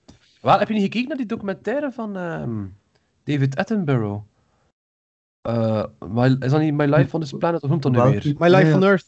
Ja, My Life on Earth. Eh, dus nog ik ga heel eerlijk zijn, ik heb er nog maar twee derde van bekeken. Ah, is het waar? Ah, maar Ja. daar, ziet, daar zie je Borneo, ehm, zo van dat hij daar geweest is in de jaren 70, een luchtfoto, met superveel eh regenwoud, en dan zie je gewoon boep, boep, al die boskap, en er ziet er bijna niks meer van over. En ik denk, moest Jasper hier zijn, zou hij dat beamen, want hij is er al geweest, en hij zegt ook dat daar niet echt meer de moeite is van regenwoud. Ja, maar, Dus, eh, maar ik heb ooit is een het- documentaire is- gezien over orangutangs in Borneo. En het ging daar ja. over, eh, ah ja, kijk, voilà. ook over ja. palmolie dan. En... Ja. nee, dus het gaat daar niet zo heel goed. Nee. Ja, nee, dat is... eh, Maar het was inderdaad, met, met dat je palmolie zegt, gaat er een belletje rinkelen, dus ik weet niet waarom dat ik daar net zei. Ja, blijkbaar is er daar ook veel boskap. eh. Ja, ja. ja. Sorry. Nee, eh, het bier begint te werken, denk ik. Ja, bij mij Eh, eigenlijk ook. Ja, maar ja, nee. Het is... Ja, cool. Zot eigenlijk misschien door concentratie, do- doordat het zo geconcentreerd wordt nu, dat, dat er rapper iets aan het licht komt. Ik weet het niet, ja. En weten ze al wat dat, dat beestje eet, of, wa- of welk leven dat hij dat leidt, of moest dat onderzoeken? Eh, Of weten de- dat van vroeger?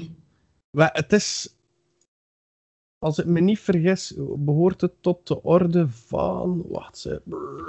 Eh, niet tot de orde. Oh, jongen, echt Want het ziet bier. er een beetje, ja, bijna spechtachtig uit zelfs, vind ik. Oh ja. Ik weet niet hoe dat ik het moet... Het behoort tot de orde van de zangvogels. Dus, Ah, eh, wat hoort er daar nog bij? Ja, zo als, zit- een, daar kraai, een, kraai en een raaf is een Ah, zang. kijk, ze, voilà. er veel in, ze. Dat is, dat is een van de rosten. Dat is Het is enige wat ik teruggevonden heb. Dus na, na, na voedingsgewoonten en dergelijke vind ik Ja. niks van beschrijving terug. Ik ben er ook Nu, aan het kijken.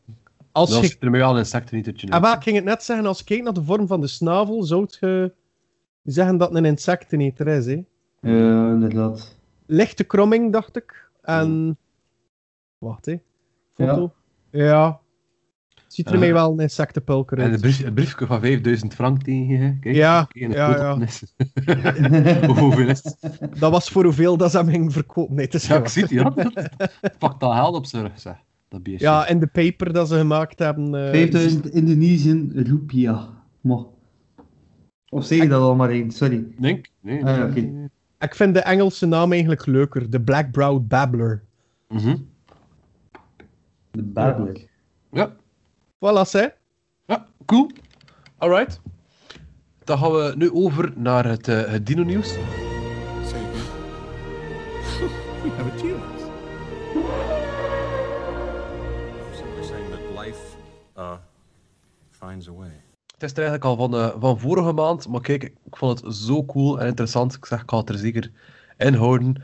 Want deze maand gaan we het eindelijk eens, over, eens hebben over de Spinosaurus. Yay! Ja, hé. eh, want toen het idee kwam voor de, die podcast hier te doen, een goede twee maanden ervoor of zo, was er baanbrekend nieuws over de Spinosaurus. En ik dacht van, verdomme, dat is jammer.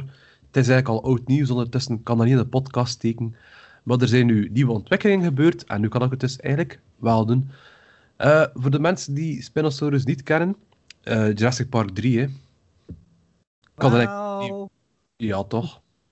Ja, ja. Ja, oké, maar dat, is, dat, is, Eh. dat is heel lang het beeld geweest van eh Spinosaurus. Hè. Ja. Dus een grote theropode, krokodilachtige lange kop, zeil op zijn rug. Ja, zeil op de inderdaad, staart. redelijk zware, zware voorpoten. Dat is eigenlijk heel lang het beeld geweest van Spinosaurus. Zeg maar, uit in de eerste of de tweede aflevering ook niet gehad over de Over Spinosaurus? irritator hebben we gehad. Een irritator is een Spinosauroïde. Ah, oké. Dat zit in die familie van de Spinosaurussen. Nu, eventjes eh, een korte geschiedenis van de Spinosaurus. Die is gevonden in eh, Algerije in 1912. Maar een zeer, zeer, zeer eh incompleet skelet. Ze hadden er zeker niet, echt niet genoeg stukken van. Die is dan naar het Natuurhistorisch Museum van Londen gegaan. Het museum is gebombardeerd geweest in de Tweede Wereldoorlog en het skelet was verloren. Dus het beeld dat ze ervan hadden van Spinosaurus in de jaren ja, 1920, 30 was zo'n beetje dat foepig, ja, heel rechtopstand, korte snuit, kort zeiltje op de rug. Zo. Die heeft een heel grote evolutie doorgemaakt van toen tot nu, wat hij eruit zag. Ehm in 1980, 90 heeft hij zo meer die klassieke vorm gekregen zoals je die ziet van eh, Jurassic Park 3. Zo die, meer die krokodillensnuit. Want dan hadden ze ook wat andere Spinosaurus-achtigen gevonden, waarmee dat ze schedel konden vergelijken. Maar in 2000, als ik me niet vergis, 2017, 18 hebben ze nieuwe eh, botten gevonden van de staart van Spinosaurus. Waaruit blijkt dat de Spinosaurus-staart eigenlijk eh, meer weg had van een salamander dan van een dinosaurus. Ja. Dus, Ja. dus, Spinosaurus was eigenlijk geen landdinosaurus, maar leefde eigenlijk in het water. What the fuck? En de wereld ontploft. Het was twee maanden corona, maar alle paleontologen zaten thuis met een erectie omdat Spinosaurus eindelijk zijn plaats gevonden had in de wereld. En dan meen ik, het was een zeer, zeer, zeer groot nieuws. Eh, dat Spinosaurus is heel lang een, een mysterie geweest. Waar leefde die eigenlijk? Maar als je, oké, je geeft hem een afgeplatte staart, je kunt bewijzen dat hij een afgeplatte staart heeft, oké, dan mag je redelijk zeker zijn, Spinosaurus leefde in het water. Maar ze zijn beginnen heel extreem gaan en eigenlijk Spinosaurus beginnen schetsen als effectief krokodil, salamander, volledig in het water levend. En die paper zegt van, oh, oh jongens, jongens, jongens, een beetje gas terug. Waarschijnlijk was het geen waterdinosaurus. Waarschijnlijk was het een, een, een oever. Leefde hij meer aan de kanten. En Meer ook- een waaddier dan. ja, inderdaad. En ze kwamen met een paar hele, hele sterke argumenten af. Want ik had zoiets van... Ik, was, ik zat eigenlijk in het kamp van... Yeah, cool, waterdinosaurus. En toen za- las ik die paper, die titel, had ik zoiets van... Ah, jongen, kom aan, hè. This is why we can't have nice things, hè. Moest het Mhm. weer al afbreken. Maar ik heb het gelezen en ik vond het zeer, zeer interessant. En eh, ik zit, ben volledig mee. Ik zal je de argumenten geven. Ehm, waarom dat het waarschijnlijk geen 100% waterleefde dinosaurus was. Ik weet ook alleen, maar ik ga jou Ja? laten doen. Nee, zeg maar. Zeg maar eerst een keer. Eh, de zeggen. putjes op de snuit van eh, de Spinosaurus. Mhm. eh, die, zijn sche- op zijn allee, die op zijn snuit van zijn schedel stond. Ja. Zou erop kunnen wijzen dat hij dus effectief aan de oever stond en zijn snuit gebruikte zoals een moderne reiger nu zijn snavel gebruikt. Om Klopt vis te vangen. helemaal. Klopt Dat is de enige die ik weet. Klopt helemaal. Maar krokodillen die op een andere manier jagen, hebben dat ook. Crap. Oké, dat was het enige Maar- dat ik wist. Kijk. Maar ze hebben ontdekt dat andere dinosaurussen ook die putjes hebben. Maar die wel 100% landdino's zijn. Mhm. Dus, ergens tussenin zit je waarschijnlijk dan. Mhm. Dus je kunt Petjes, ik kan me dat niet voorstellen. Ah, wel, maar een- direct een alligator- met die alligator en krokodilachtigen hebben in hun, eh, op hun snuit een soort van, ja, ik ben eigenlijk de naam kwijt. Hè. Ik denk dat de meeste reptiele kenners nu zoiets van gaan hebben van, ah, je loser, je weet dat niet. Ze kunnen daar naam- beter de vibraties mee opvangen. Ja, inderdaad. Dus de krokodil ligt met zijn Ah, snuit ja. In het water plat, die ligt stil. Maar als er bijvoorbeeld naast hem iets in het water zwemt en dat veroorzaakt rimpelingen in het water, dan gaan die putjes, die sensoren, dat opvangen en dan zo, zat erop reageren. Mocht, en de Meestal- dat ook. Meestal, meestal gaat hij daar zelf instinctief op reageren. Als een alligator naast jou in het water ligt en hij gaat met je hand in het water, je gaat reageren op die rimpels en daar, daarna ook nog reageren en bijten. Ja, En je had dat zelf niet kunnen doen, dat gaat puur instinctief zijn. Hup, oh, rimpeling, bijt. Punt. dat is een soort van snorharen, maar dan eigenlijk niet. Basically wel. Ja, ja, ja, oh ja. Ja, Heel simpel meer- uit te leggen, meer- natuurlijk. meer putjes. Maar dus die Spinosaurus had dat ook. Eh, maar er zijn dus nog dinosaurus die dat hebben, maar ook volledig op het land leefden. Zoals bijvoorbeeld Majungasaurus. En Majungasaurus was, leefde in Madagaskar en de steppen. En die had ook die putjes. Dus het is geen bewijs. Nu, wa- wat had je wel? Ten eerste eh, vergelijken ze de staart met die van een krokodil. En een krokodil is niet het snelste waterdier. Er zijn dieren die veel sneller zijn dan een krokodil. Een krokodil jaagt ook niet. Die gaat ook geen prooien snel achter. Ja, stalker, ja. Nee, dat is geen stalker. Die gaat... Nee? Dat is een ambush killer. Ja, ambush, ja, inderdaad. Ja, ja. Dat dat ik zocht. Ja. Dus gazelle, gazelle gaat komen drinken. eh, de krokodil had dat besluipen. En ehm had eigenlijk zorgen dat hij onopgemerkt blijft en dan snel aanvallen. Als hij die prooi niet kan vangen, dan had hij dat eigenlijk niet achtervol. En het water dus dan natuurlijk wel voor prooien dat ze weten dat ze kunnen inhalen. Bijvoorbeeld een gazelle die in het water valt, gaan ze perfect wel achtervolgen, want ze weten van, ja, die zijn toch sowieso sneller. Ehm, maar bijvoorbeeld actief op vissen jagen, doen krokodillen bijvoorbeeld niet. Die gaan in een waterval liggen, als er vis passeert, hup, bek toeslaan, dat wel. Hm. Maar een Spinosaurus, en ze kunnen dat trouwens zien aan de, de wervels van de staart, had minder spieren in de staart dan een krokodil. Dus ze weten nu dat een krokodil nu sneller is dan een Spinosaurus toen. Dus de kans is klein dat hij in het water zeer, zeer snel was. Ja. De staart was ook eh, zeer flexibel. En een flexibele staart is eigenlijk niet zo handig. Eigenlijk wil je een stevige, harde staart hebben. Zoals een krokodil of zoals een mertensvaraan. En vara- mertensvaranen zijn watervaranen. Ik heb ze in Australië, heel cool. En die hebben inderdaad een soort van spatelachtige staart, waarmee die heel snel in het water kunnen voortbewegen. Spinosaurus was volledig het omgekeerde. was een zeer flexibele staart. Met een, een, een, een, een punt die eigenlijk heel het heen en weer zou eigenlijk een beetje oncontroleerbaar in het water aan het slaan zijn. Ja, dat eigenlijk niet zo heel handig zou zijn. De poten, de dijbenen, zouden ook niet 100% perfect ingetrokken kunnen worden, waardoor dat eigenlijk qua hydrodynamica totaal niet interessant is. Dus zo heel veel, eh, in het paper spreken ze van drag. Dus dat is dan ja, weerstand. Weerstand, ja. Ja, eh, te veel weerstand ondervonden hebben. De kop, en dat zien ze aan andere Spinosaurus achter, de kop stond naar beneden gericht. Zo'n beetje schuin naar beneden. Ja. Eh, om eigenlijk die kop perfect recht te houden, zouden ze eigenlijk redelijk wat moeite moeten doen. Dus dat zorgt ook al voor weerstand. Als hij aan het zwemmen, zwe- eh, zwemmen is, wordt zijn kop continu hup, tegen, zijn, nek geduwd, basically. Ja. En wat zien we nog? De neusgaten bijvoorbeeld. De neusgaten zijn ook totaal niet gebouwd voor bijvoorbeeld een ambush killer. Zoals bijvoorbeeld de krokodil staan de neusgaten volledig vooraan. Maar bij een Spinosaurus staan ze eigenlijk tot tegen de ogen bijna. Dat is eigenlijk al veel interessanter voor een dier die met zijn snuit in het water zit, maar niet met zijn kop. Zoals bijvoorbeeld een ooievaar of een reiger. Zoals Annick vertelt. Ja. En over wat spreken ze nog? Ja, juist. eh, een krokodil bijvoorbeeld. Als een krokodil aanvalt. Die, zijn kop trouwens, een, een krokodillenkop is lateraal afgeplat. Eh, hoe moet ik dat zeggen? Dorsaal afgeplat. Dat is een platte, Ja. brede kop. Ja. Dus als die aanvalt, hij staat daarnaast, dan, dan gaat hij naar lateraal aanvallen. Naar links of naar rechts. Hè? Als hij jou aanvalt. Want Mhm. daar ondervindt hij het minste, het minste weerstand.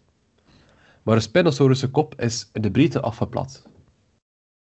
Als je er naartoe kijkt, is het zoals je bijvoorbeeld naar een reiger of naar een, een, een ooievaar zou kijken, dat is een brede, smalle kop.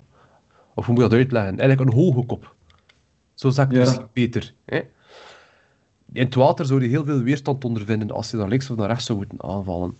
Maar als je naar beneden aanvalt, is dat wel veel interessanter. Werkt dan meer als een spies of als een speer. Ja, ja, ja. Dus die paper concludeert eigenlijk dat de Spinosaurus waarschijnlijk een, een dier was die op de oever stond en daar zijn prooi ging gaan vangen. Nog een paar argumentjes. eh, er zijn, en ik heb dat altijd al afgevraagd hoe dat komt, maar er zijn heel veel Spinosaurus-tanden te koop. Hè. Ja. Je kunt dat voor heel weinig geld kopen. En ik had het heel raar gevonden. Ik dacht van, allee, dat is zo'n zeldzaam skelet die totaal nog niet eens compleet is, maar die tanden vind je blijkbaar overal. En ik had er totaal niet bij stilgestaan, maar die wisselden ook hun tand. Dus als die in een prooi beten, viel die gewoon uit en groeide er nieuwe in de plaats. Ja. Ehm, maar bij Spinosaurussen vinden ze er meer. En ze vermoeden dat dat komt omdat die waarschijnlijk grote, zware, trage prooien ving. Zoals waterschildpadden en eh, een grote vis. Die makkelijker te vangen zijn eh, aan de oever, bijvoorbeeld. Of als hij zelf ook wat, wat trager zwom. Eh snellere, kleinere prooien kon die heel moeilijk vangen. Ik ben nu de naam kwijt, maar er zou blijkbaar ook gezegd zijn, ah, ik weet niet of dat, dat klopt, die eh, vissen met zo'n... eh, Silakant. nee, met zo'n zaagneus helpt. Ah ja, ja, ja, ja, ja, ja zaagvis, nee, ja. Is dat gewoon zaagvis? Ah, Oké, ik dacht Ja, dat dat een dat moeilijkere naam had. Ik dacht van wel, ja. ja. Oké, ja. Ja, dus ze vermoeden, de, waar hij leefde, waren, waren daar redelijk wat rivierdelta's en meren. En die bewoog hem waarschijnlijk wel voort in het water. Maar effectief jagen deed hij waarschijnlijk eh, op het land. Hij ving ook redelijk wat andere dino's. Het was zeker en vast ook een jager, Ja. maar hoogstwaarschijnlijk geen, geen, geen zwemmer. Ja, nog een argument trouwens, wat in de paper stond. ehm, van de tegenpartij, waarom dat ze zo zegt in het water leefde, is dat het de, de, de kootjes ook afgeplat zijn. Dus de, De wat? Tien. de teenkoten zijn afgeplat, dus de poten zijn afgeplat. Een soort van zwemvliezen, zo gezegd. Eh, maar dan zie je bijvoorbeeld bij skeletten van Gallimimus, die we allemaal kennen van Jurassic Park. Ja. Gallimimus en ook eh Majungasaurus zijn, de, zijn ze ook afgeplat. En dat zijn pure landdino's. Dus dat is ook geen argument. Heeft waarschijnlijk meer met de zwaarte van de poot te maken of zo, of de aanhechting van de pezen, dan effectief eh, het vormen van een zwemvlies. Of zo. Zeg maar, we zijn nu de hele tijd al zo eh, kenmerken aan het geven van waarom dat hij inderdaad aan de oever jaagde, of aan Mhm. de oever leefde. Maar ik kan me niet voorstellen in 100 jaar waarom dat een zeil nuttig zou zijn. Ah, wel, en dat ga ik nog vertalen. Het is goed dat je het zegt. Dankjewel, Jonas, voor deze mooie segue. Eh, maar hij had dus een zeil op zijn rug en dat kan twee dingen betekenen. En dan keerde ze terug naar nog een hedendaags reptiel, dat we toevallig onlangs in het centrum hebben binnengekregen. En dat is Hydrosaurus. Kun je wat Hydrosaurus kent? ja. Nee. Hydrosaurus is een reptiel die nu leeft. Dat, wij, dat bestaat nog. Hè. Dat is eigenlijk een soort van basilisk en die heeft op zijn rug een heel mooi zeil en op zijn staart ook een lang zeil. Eigenlijk, ja, hij heeft dan wel iets weg van Spinosaurus nu, behalve de kop. Maar En ze- dat is zit het cel niet meer op de staart daarvan? Ja, op, de, rug ook, op, de, op de rug ook wel. Ze. het enige verschil is bij Spinosaurus was de, de zeil effectief verlengde van zijn ruggengraat. Ja, ja, ja. Buiten bij Hydrosaurus is die dus nog wat inklapbaar. Zo. Ja. Ehm, nu, dat is display, hè. mannetjes naar vrouwtjes toe. Moch. Puur voor Niet meer, display. niet minder. En ze vermoeden dat de staart waarschijnlijk ook gewoon puur een soort van display was. En waarschijnlijk de rugvin ook. Maar het kan ook iets te maken hebben met, met thermodynamica. Dus meer warmteopslag waarschijnlijk.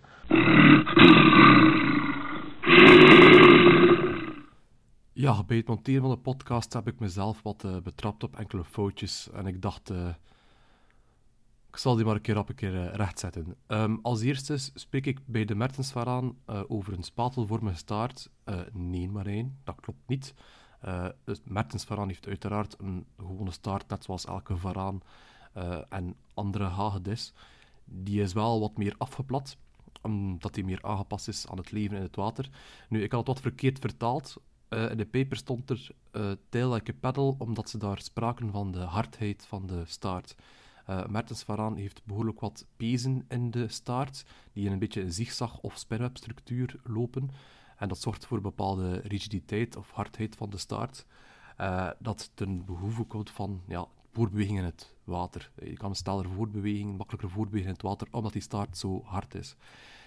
Bij de Spinosaurus weten ze dat die, die P-structuren niet in de staart zaten, omdat er geen eh, verdikkingen zijn op de botten die kunnen wijzen op extra pezen in de staart. Dus was die staart veel flexibeler en dus was die dus minder goed aangepast aan het water dan bijvoorbeeld een hedendaagse Mertensvaraan. Dus mijn excuses, daar was ik mis. Ik had dan nog een foutje gemaakt. Eh, ik spreek over thermodynamica, eh, maar eigenlijk moet het thermoregulatie zijn. Nu, eh, ik heb het opgezocht, ik was niet helemaal mis. Thermodynamica is eigenlijk de verplaatsing van, of de beweging van warme deeltjes in een vloeistof of in een gas. En dat gebeurt hier ook wel een beetje, maar eigenlijk is toch thermoregulatie meer op zijn plaats. Ik zal je uitleggen waarom. Ehm, Spinosaurus had net zoals Dimetrodon en Ida, Idaphosaurus en Stegosaurus. Dat zijn allemaal prehistorische dieren met ja, zeilen en ehm, beenplaten op de rug. Die eh, gebruikten die waarschijnlijk om hun lichaamstemperatuur aan te passen. Nu, hoe deden ze dat? In die structuren zaten er waarschijnlijk behoorlijk wat bloedvaten. En door meer of minder bloed daardoor te laten lopen, konden ze waarschijnlijk hun lichaamstemperatuur regelen. Ja. Meer bloedvaten zou bijvoorbeeld meer warmte afgeven. En als ze hun bloedvaten kleiner lieten maken, bleef de warmte ook beter eh, in het lijf. Ze regelen het zelf, dus thermoregulatie is hier meer op zijn plaats. Ja, met excuses voor de fouten. ehm, ik dacht dat podcast maken en bier drinken dat dat een goede combinatie was. En dat is het ook. Maar we moeten toch een beetje opletten. Jo. Maar ze vermoeden dat het waarschijnlijk meer gewoon dat was. Dat die gewoon heel mooi gekleurd waren, die eh rugvinnen en staartvinnen. Maar ook voor beweging in het water uiteraard. Hè. Maar gewoon... allee, gewoon zwem, niet jagen. Zwemmen. Ja. Ja. Trouwens, even terzijde, maar ik ben nu juist die Heliosaurus aan het opzoeken. Dat is echt een draakkop, event. Cool, hè? Dat is een hele, Ja, cool, hele, coole, hele coole. Ja. Wel behoorlijk groot, ook. Die. Eh, maar dat, die werden dus ook een beetje verwezen in de paper. En dat vond ik wel, wel tof. ja, cool. Dus ik, ben, ik zit volledig in het eh Spinosaurus jacht als een ooievaarkamp. Ja, reiger. vind Zat het ik ook zeer, denken, eh, ja. Ik vind het zeer, eh, zeer plausibel. Dus ja, dat was het eh Dino Nieuwsje voor van de week. Nice. Eh, ja, dat vond ik ook. Het was een zeer lange paper. Maar ja, ik kan er lang aan zitten lezen. Boe.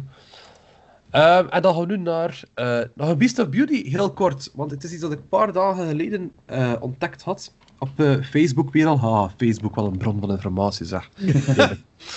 Ehm, maar ik had eh, een filmpje zien eh, passeren van eh Bizarri Muscles of zoiets. Ik zeg, oh, ik ga daar een keer op klikken. Eh, Ik kwam uit op een porno-site. ja, eh, dat, dat, hoop, dat hoopte ik. Dat hoopte ik. Maar nee, het was zeer uh, ontnuchterend. het waren gewone mossels. Maar heel, heel coole uh, mossels. Uh, het bleek maar dus... dat met een beetje fantasie, die mossels. Ja, het... Zeg, zeg maar verder. ja, ja, het is, het is oké. Okay. Ja, ik zal morgen mijn gordijn in de was mogen steken. Maar in dat filmpje, ik zal ze in de show notes zetten, in dat filmpje toonden ze dus een aantal zoetwatermossels die, die uh, hele coole franjes hadden eigenlijk aan hun, wat ik het zeggen, uiteinden eigenlijk. die leken op visjes en daar lokten ze andere visjes mee. En ik dacht, mo, ik had dat nog nooit gezien. En, en, en but why? En nu blijkt eh, dat redelijk wat ehm, mossels eigenlijk parasitair zijn. Ik wist dat niet. Dus mossels in hun eerste in levensfase hechten zich vast op de kieuwen van vissen. Die leven er wat van de, de voedingsstoffen. Die vissen hebben daar heel weinig last van. Het is parasitair, maar ze gaan er niet aan dood. Ja, het is niet schadelijk. Nee, het Eh, eh, Het is niet schadelijk. Dan vallen die larven eraf en ontwikkelen ze zich tot ja, volwassen mosseltjes. En de Eh, kiwi, nu, of hij dat gezegd, sorry. Ja, ja, dus in de kieuwen, maar ze vallen eraf hè, als we ouder worden. Ja. Dus het is maar in bepaalde levensfase. En dat heeft dus twee redenen. Ten eerste vinden ze makkelijker voedingsstoffen in de kieuwen van die vis, maar al zo verspreiden ze zich ook over de rivierbedding. Het is ook een beetje een manier van verspreiden. En wat doen die Lampsilis-mosselen, wat ik heb het opgezocht, supercool, die imiteren eigenlijk een ander, eigenlijk een prooivisje, hè? eigenlijk een minnow. Dus dat is op verschillende manieren, Dat niet? zijn, ja, dat, Ja. maar die dat jij over bezig bent, is eh een die ook effectief de baarzen zoekt. Hè. Het is, Mhm. Die gaat enkel eh, op baarzen uit, want je hebt verschillende soorten die op verschillende vissoorten eh haha, vissen, bij wijze van spreken. En inderdaad, en deze gaat voor baarzen, dacht ik. Ja, inderdaad. eh Big Mouth en Largemouth baas. Ja. En Black baas. Eh, ik ken eigenlijk de Nederlandse naam niet van, enkel maar de, de Engelse. Maar enfin, maakt niet uit. Vooral inderdaad eh baarzen. En dus die vormt met die franjes eigenlijk een soort van prooivisje. Je hebt ook eentje die wormpjes vormt. Zo eh, een soort van ja, aasje eigenlijk. En dan een hele coole, die eigenlijk een vislijn... nee. Ja, Ja, dus die werkt ja. eigenlijk een vislijn uit. Is eigenlijk een slijmdraad met op het einde een kwastje die ook perfect leidt op een visje, dat hij een beetje laat bewegen. En Maar dus ik die- dacht zelf eerst ook dat, dat de visje was dat ik het zag. Ja, dat is Van echt zat. heel cool, hè. Dus wat gebeurt er? Die vis bijt daarin, poep, en die laat ik een wolk van zijn larven los eh, in die vis, in zijn kieuwen, zodat hij eigenlijk ja, besmet raakt, die vis. Heel, heel, heel cool. Wat ik dacht van- Ja, sorry. Ja? Zeg maar. Nee, zeg maar verder, zeg maar. Nee, maar zeg, zeg eens maar wat je ging zeggen. eh. Nee, dat ik het gewoon, dat ik het gewoon toevallig tegengekomen was. Eh, en dat ik het heel cool vond. Ik zeg, dat is zeker een Beast of Beauty. Ik heb er een klein beetje verder over opgezocht. Het is dus een puur Amerikaanse ehm, mosselsoort die daar in zoet water voorkomt, vooral in, eh, in stromende water. Ze zijn op dit moment behoorlijk kwetsbaar, omdat er ook een andere eh uitheemse mossel geïntroduceerd is, de Aziatische zebra-mossel. Oh, die Aziatische mossels toch. Het is, het is, het is, het is friet, het is friet. Ehm, het is vooral een probleem rond eh, concurrentie, ehm, territoriale concurrentie. hè. Dus die, als die, die zebramossels settelen zich iets makkelijker dan die eh, inheemse en pakken dus eigenlijk de plaats af. Eh, ook heel wat plaat, problemen met dammen en, hoe zeg ik het, ja, rivieren die afgesloten worden. Ja, vervuiling to koer. Het is dat en, en vervuiling. Dus ze zijn, ze zijn kwetsbaar. En komen ook trouwens vooral niet over heel Noord-Amerika voor. Het noorden, noorden, eh, Ontario, zo'n... Dat zegt al Canada ook, ja. Ja, ja, ja, ja, het Canada ook, was het ook een stukje. Dus, ja. Ja, wat dat ik zot zo aan, aan dat verhaal, al ja, aan die, aan die mossel, ehm, dat is, zo, dat is like zo'n vergevorderde evolutie bij zo'n, ja, hoe moet je het zeggen, toch Binnen mossel. lager ontwikkeld dier. Maar nee, nee, ik bedoel, al ja, ja, vissen, dat vissen op andere vissen. Ja. Ja, maar dat is zo de zin. Ja. Maar, ehm, maar mosselen zijn toch, ja, mag ik zeggen, minder ontwikkeld dan vissen? Natuurlijk, ja. Het is, het is niet eens gewerveld. Ah, voilà. Niet Dat, dat vind ik zo zot, dat dat ook bij, bij mossels zo ver gaat. Ja, Wat lijkt- vis is ook dat- niet dat- gewerveld. dat dat die van- vergelijking niet opgaat, jongens. Ja, ook wel waar. Ja. Maar ik dat loslaten van die, eh, van die mossellarfjes, één keer dat er gebeten wordt, dat klinkt toch als een bewust proces, of ik dat mis op? Ja. Bedoel je ja mis op, of ja... Nee, nee, nee. Dat, dat is, Nee, nee, dat je is- daar nee, de dat is- nagel dat op de kop slaat. Dat is een Dat- bewust proces, ja. Ja. Maar ja, dat is Wat evolutie. dat je niet van een mossen zou verwachten. Oh ja. Ja, het is een ding van mensen in Kortrijk dat er gebeurt, nog ook niet eens verwachten. Dus, Mooi, hè. ik denk dat we maar één gaan moeten censureren. Nee, Nee. maar dat brengt mij bij het volgende. Eh, er leven ook mosselsoorten bij ons in de, wa- oh, in de, in de stromen, in de zoetwaterstromen, of niet? ja, zwalenmossels. In de- ah. Is er maar één soort? Nee, nee, nee, er nog hè. Maar ik Ja. ben ook niet echt thuis in mossels, eerlijk gezegd. hè. Ah, wel. En Ehm, zijn er bepaalde eh, soorten die dat hier ook doen? Of is het enkel daar? ik heb dat eigenlijk niet opgezocht. Want anders hebben we wel een heel goed excuus als we weer zonder vangst van een, een vestrepje komen. Hè? Van, oh, de mossels worden ermee weg. Ja, de mossels waren ermee wel. Nee, eh, ik, ik, dacht wel, ik dacht wel te lezen eh, dat het, dat het dan, dat dat uniek is aan die soort. Dat dat doen, dat vis. Ja, het is echt wel zot. maar ik kan, het ik, kan, ik kan mis zijn, ze. maar het lijkt zeer goed op een visje. Echt waar. Echt, jong, het beste Ja. kunst als kan het niet nadoen. Nee, nee, het is dat. Maar ik zal het zeker in de show notes zetten, dat filmpje. Eh, zeker vast dat je zelf kan oordelen. De Lampsilis mossel. Lampsilis cardium onder andere is eh, ook een soort. Zeer, zeer, zeer cool. En Nice. dat, dan heb ik nog een Trouwens, laatste ah zeggen. ja, Ja, jullie zijn maar. maar sorry, ik wou nog ja. even over doorwijnen over dat evolutionaire gedoe. Want ik was al mij tevoren ook aan het afvragen. Dus in dat filmpje zie je mosselen die op verschillende manieren vissen. Op vissen. Hè? Maar, wat was mijn punt nu? Ja. Ik weet- ik weet het niet. nee, ja, nee, Ik dat is... veel gedronken. nee, nee, nee. Dus, en de ene mossel had zo dat visje op zijn rug om een bepaald soort vis aan te trekken. Mhm. En een andere mossel van, ik veronderstel dezelfde soort, of ben ik daar verkeerd in, vist dan met een slijmdraadje met een ander visje aan om meer baardsachtig aan te trekken. Ja. Dus dat wijst toch op een heel diverse evolutie voor eenzelfde dier. ja. Ja, maar dat is net hetzelfde in het insectenrijk en de sluipwespen. Hè? Zeg, Jonas, verwacht je nu even dat we er hier in een podcastje van een, een twee uurtjes de evolutie gaan beginnen uitleggen? Ja, nee, maar dat is toch zot?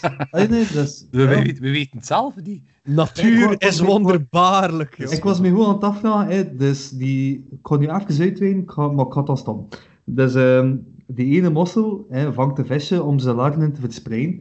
Die vis zwemt, pakt een tiental kilometer verder, waar er een andere populatie vissen dominant is. Die mosselen groeien daarop. En binnen hier en zoveel jaar hebben zij dan een andere techniek ontwikkeld om die andere vissen te vangen. Ja, of ze sterven daaruit. Dat is natuur. Dat is chaos. En kijk wat Ja, er maar ja, maar oké, ja, al goed en wel, maar dat is Die toch... het beste, die het beste werkt, wint, hè. Ja, Ja. de best... De best... Wacht, hè. God, hoe ging ik dat nu zeggen? De best plakkende kak bluff plakken. Maar ja, That's nature for you. oh man, dan ben ik wel evolutionair heel sterk soort zijn, man. Nee, maar toch, al ja, ik vind dat echt zot. Oh, sorry. Hij had al like, zo met zoveel gemak over, maar ik vind dat echt... Jongen, er zijn nog zotte dingen in de natuur, wacht maar. Ja, maar ja, van een messel, al ja. Ja. Allee, ik denk nu een keer... Ja, we gaan nu niet, niet lang gewoon uitweiden, nee, maar ik ga een keer een voorbeeldje geven. Cordyceps, ken je dat? Nee. Die schimmel. Ja. De schimmel, de schimmel die mieren in zombies verandert, Ja. naar bovenaan in een grasprietje laat kruipen, daar die mier verplicht te laten een grasprietje bij. Ja, inderdaad. En inderdaad. Het is een fucking schimmel, jongen, zodat je Zombies hersenen... helemaal, ja, ja. Allee, snap je? Hoe, hoe werkt dat? Ik weet het ook niet hoe het werkt. Het is fucking cool, maar het Maar het had daar niet over. Het had over die enezelfde soort mossel dat verschillende manieren ontwikkelt om te vissen. Maar ja, dezelfde soort, dat zijn ondersoorten en al, hè. Ah, maar ja, ah, ja oké. Dat is niet dezelfde mossel, hè. Ja, het hij, het hij die la- lamp, Lampsilis fasciola, het dan nog die andere, al verschillende soorten, die waarschijnlijk wel in een ander stuk van de rivier voorkomen, hè. Ah ja, maar het was daarom dat ik het vroeg aan begin Ah ja, ja. Nee, nee, nee, nee, nee, nee, nee. Oké, ja. ja. Nee, we Oké. waren blij dat je even verwonderd waart over... eh, Ah, het dierenrijk. Ah. Denk. Ja, Ja. Ja. Het, zijn, het zijn, het zijn duizenden en één voorbeelden. Daarom hebben we de Beast of Beauty gaan geroepen. Hè? Allee, ja. Het is eh. Dus, Beast of Beauty deze week. Lampiris mossel. De mossel. Mm. Sorry, ik had ook niet aan. En nu segue naar het andere onderdeel. Ja, het laatste onderdeel. Want ik wou... eh, Ja, ik, ik weet niet... Ik heb vorige week naar de, de Nerdland podcast geluisterd. Ik weet niet of dat je eh Lieven Seires raad opgevolgd hebt en een keer naar een Hardcore History beginnen luisteren bent. Nee. Nou, Ja, ik, ik, ik wel En- maar... Ik wel, en een hele coole, hele, hele coole podcast. Ik heb onder andere, onder andere ook wel wat inspiratie opgedaan. Dus ik ga ook een segmentje in het leven roepen. Het heet Beastery. Heb ik het goed gezegd, Jonas? Ja. Ja. Eh, dus ja, een, eh, dieren en, eh, en eh, geschiedenis. Hè. Want ik zag ook weer iets, eh, iets passeren. Ehm, Jonas, hij is ook een beetje een, geschi- een geschiedenisnerd. Hè? Allee, ik ja, ik zou wel, ja, ik wel geïnteresseerd al Dus, zijn. Ja. dus ik denk dat hij er wel gerust had een beetje kunnen meebabbelen. Dus ik stel de vraag: ehm, wat weet je over de conquistadors? Ah, dat zijn de Spaanse veroveraars van Amerika. Zuid-Amerika. Dat klopt. Of Portugees? Nee. Wat? Het Portugezen, hè? Nee. Spanjaarden en de Portugezen. Dus Ah ja, naam. En wat zegt Juan Pons de Leon? Wie de wak? Juan Pons de Leon. Niet veel. Ja, mij eigenlijk dus ook niet, maar hij is eigenlijk die, hij is meegekomen met eigenlijk de tweede vloot naar eh, de nieuwe wereld. Dus in 1492 ontdekt Columbus Amerika. Eh, die keert er naar Spanje en zegt: Oh, het, ligt, het is daar iets, jongens. Ehm, en die keert dus met de tweede vloot terug en daarbij is Pons de Leon. En Pons de Leon die settelt zich in wat dat we nu kennen als de Dominicaanse Republiek. Eh Ah, dat gebied eh, veroveren. Heet hij. een- een kleine, een kleine mededeling. Het is hier zeker geen eh, goed praten dat we doen, maar er hadden dus heel veel eh inboorlingen sterven, jongens. Heel veel van de inheemse bevolking, conquistadors, hebben zeer veel mensen om zeep geholpen. Eh, ja. Ja, onder andere ook met hun, met hun ziektes, de mazelen en zo, eh, maar ook effectief, eh, ja, ja, hè. Want, eh, wat zegt Bicirillo, jullie? Wie? Wat? Het? Is Bicirillo. Besserillo. Wie of dat wat? klinkt- Wie Dat klinkt een beest. De Ja. Hellhound of zoiets. Ja, is het dicht, Jasper? Eh, Jan, Oh, oh, maar jongen! Dat is oké, Roger. Doe maar verder. dat is goed, Jonas. Ja, nee, nee, hij zit echt, Jonas. Ja. ja. Het, is, De hond, het ja, het over, het had over de hond van Pons de Leon. We gaan het even hebben over oorlogshonden. Over honden in war. War dogs, basically. Oorlogsmastieven. Ja, inderdaad. Ah. Want honden, honden zijn, ja, hoe lang zijn die al gedomesticeerd? Eh, dat is eigenlijk wel een goede vraag. Toch al een paar tienduizend jaar, hè? Meer dan geen dertigduizend jaar? Geen idee. Ja, oké. ehm, het schiet me niet dood, maar het is al lang genoeg. En honden worden ook al heel lang gebruikt in oorlog. Onder andere door de Egyptenaren hebben contact.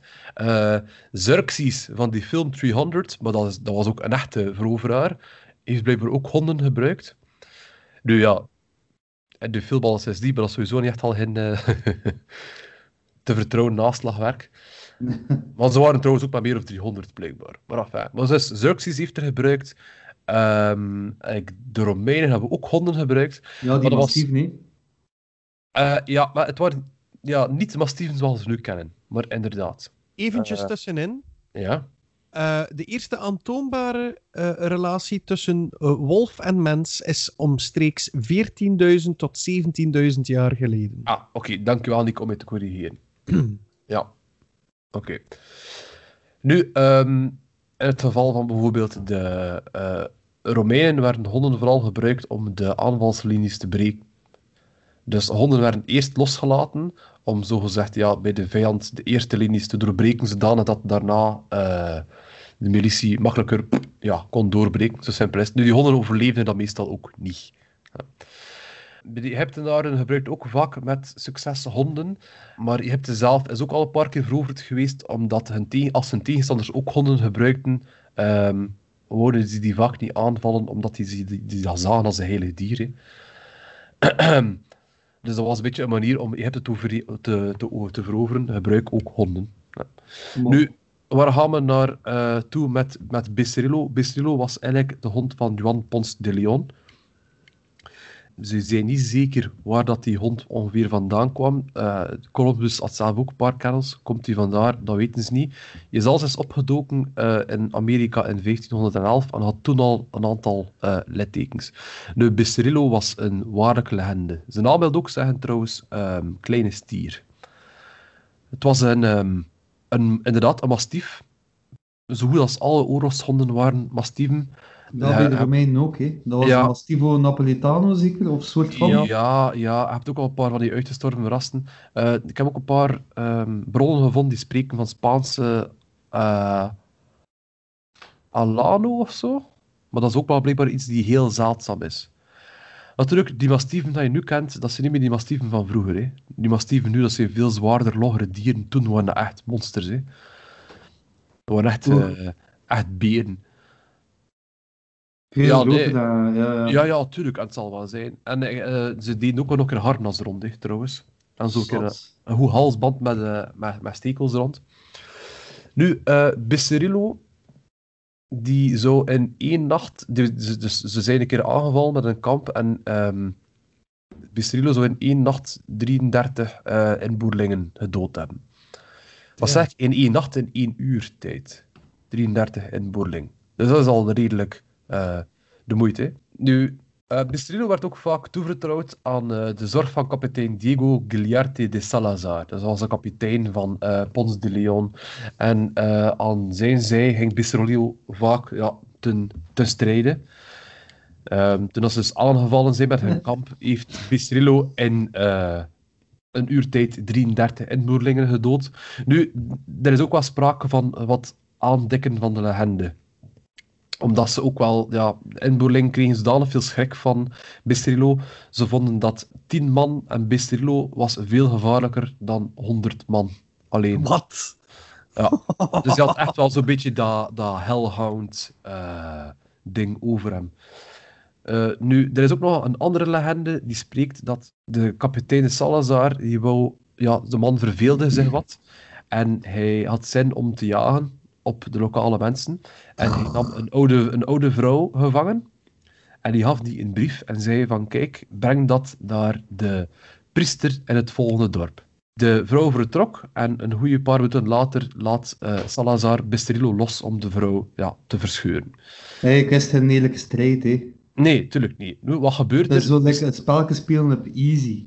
Oh, ja. Ja. Maar luister, wat gebeurt er? Eh, de oude vrouw ziet Bestrillo op zich afkomen, knielt zich en zegt van, oh, eh, hij knielt zich neder en zegt van, je had toch geen, eh, ik breng een christelijke boodschap, je had mij nu toch niet vermoorden, die hond. In whatever, wat voor taal dat ze toen spraken. En wat deed Bestrillo? Bestrillo besnuffelde de vrouw. Er zijn bronnen die spreken dat hij zijn poot opheft en er tegen plast, tegen de vrouw, maar hij laat ze met rust en keert terug. Als Pons de Leon dit hoort, heeft hij het, de vrouw en het dorp losgelaten en vrijgelaten. Onder het mom van een hond die meer medelijden toont dan ik, een waarlijke christen, dat kan niet. En daarna is hij direct vertrokken naar het nieuwe beloofde land, wat dan later eh, Florida geworden is. En dat zou, het is een legende, maar het zou wel overeenkomen met wanneer dat Pons de Leon vertrokken is naar Florida. Damn. Maar er is nog een reden waarom dat Pons de Leon vertrokken is naar Florida. Weet je dat? Eh, het mooi weer?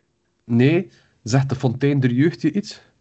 Oh, ja. Die lag, eh zo gezegd, in Florida. En de inboorlingen van de Dominicaanse Republiek hebben Pons de Leon wijsgemaakt dat hij daar lag om er vanaf te zijn. maar ehm, het zou ook met Bisterlo kunnen te maken hebben.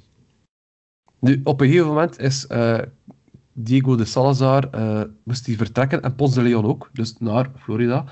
En eh, lieten ze Bisterlo daarachter. En hij is daar in de, ja, in de zorg gekomen van een andere man, ik ben nu even de naam kwijt.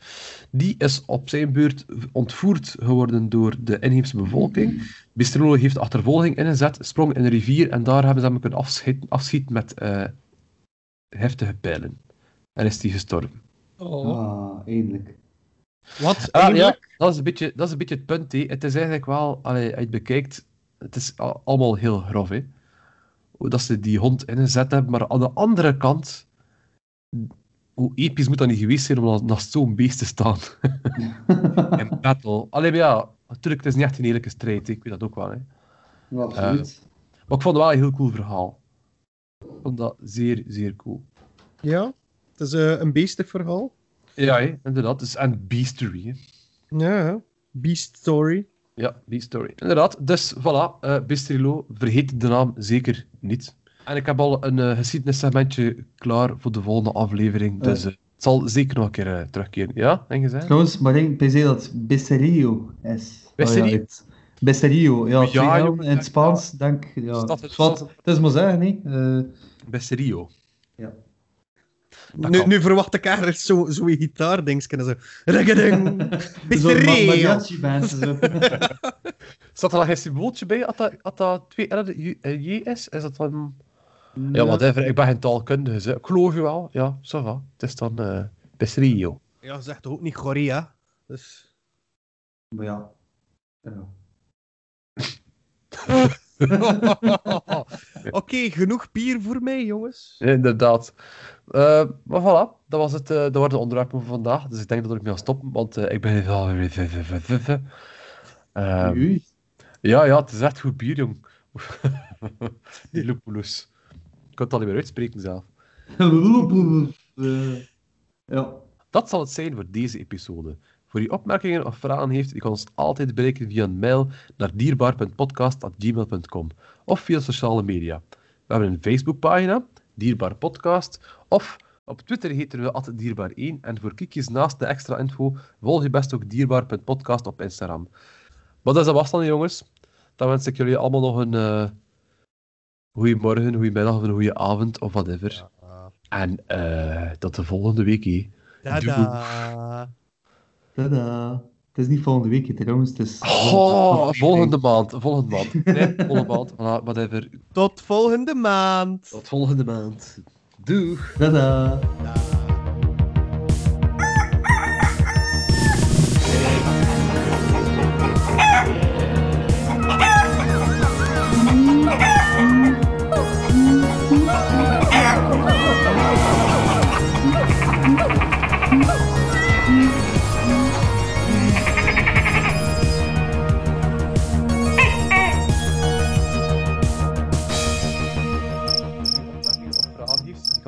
altijd bereiken via een mail naar dierbaar.podcast.gmail.com of via sociale media. We hebben een Facebookpagina.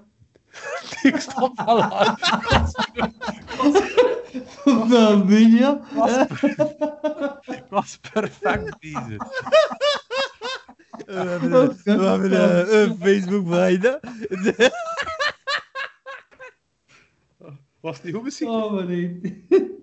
Het klonk gelijk of dat je, dat je moeite had met te articuleren. Ik ik heb het moeite met dat kunnen. Het is niet normaal. Ik kan een ik kan een veel droge bakken, het is een beetje... Een beetje, daar. Oké, ik zal het op, ik opnieuw doen. hè. En als, alsjeblieft, jongens, zet Nee, ik jezelf kan op niet. Ik Ah, ik. Ga je dat nu- dat knippen of wat? Ja, Ik ik dat. Maar ik zal het waarschijnlijk wel erachter zetten of zo. Doe het.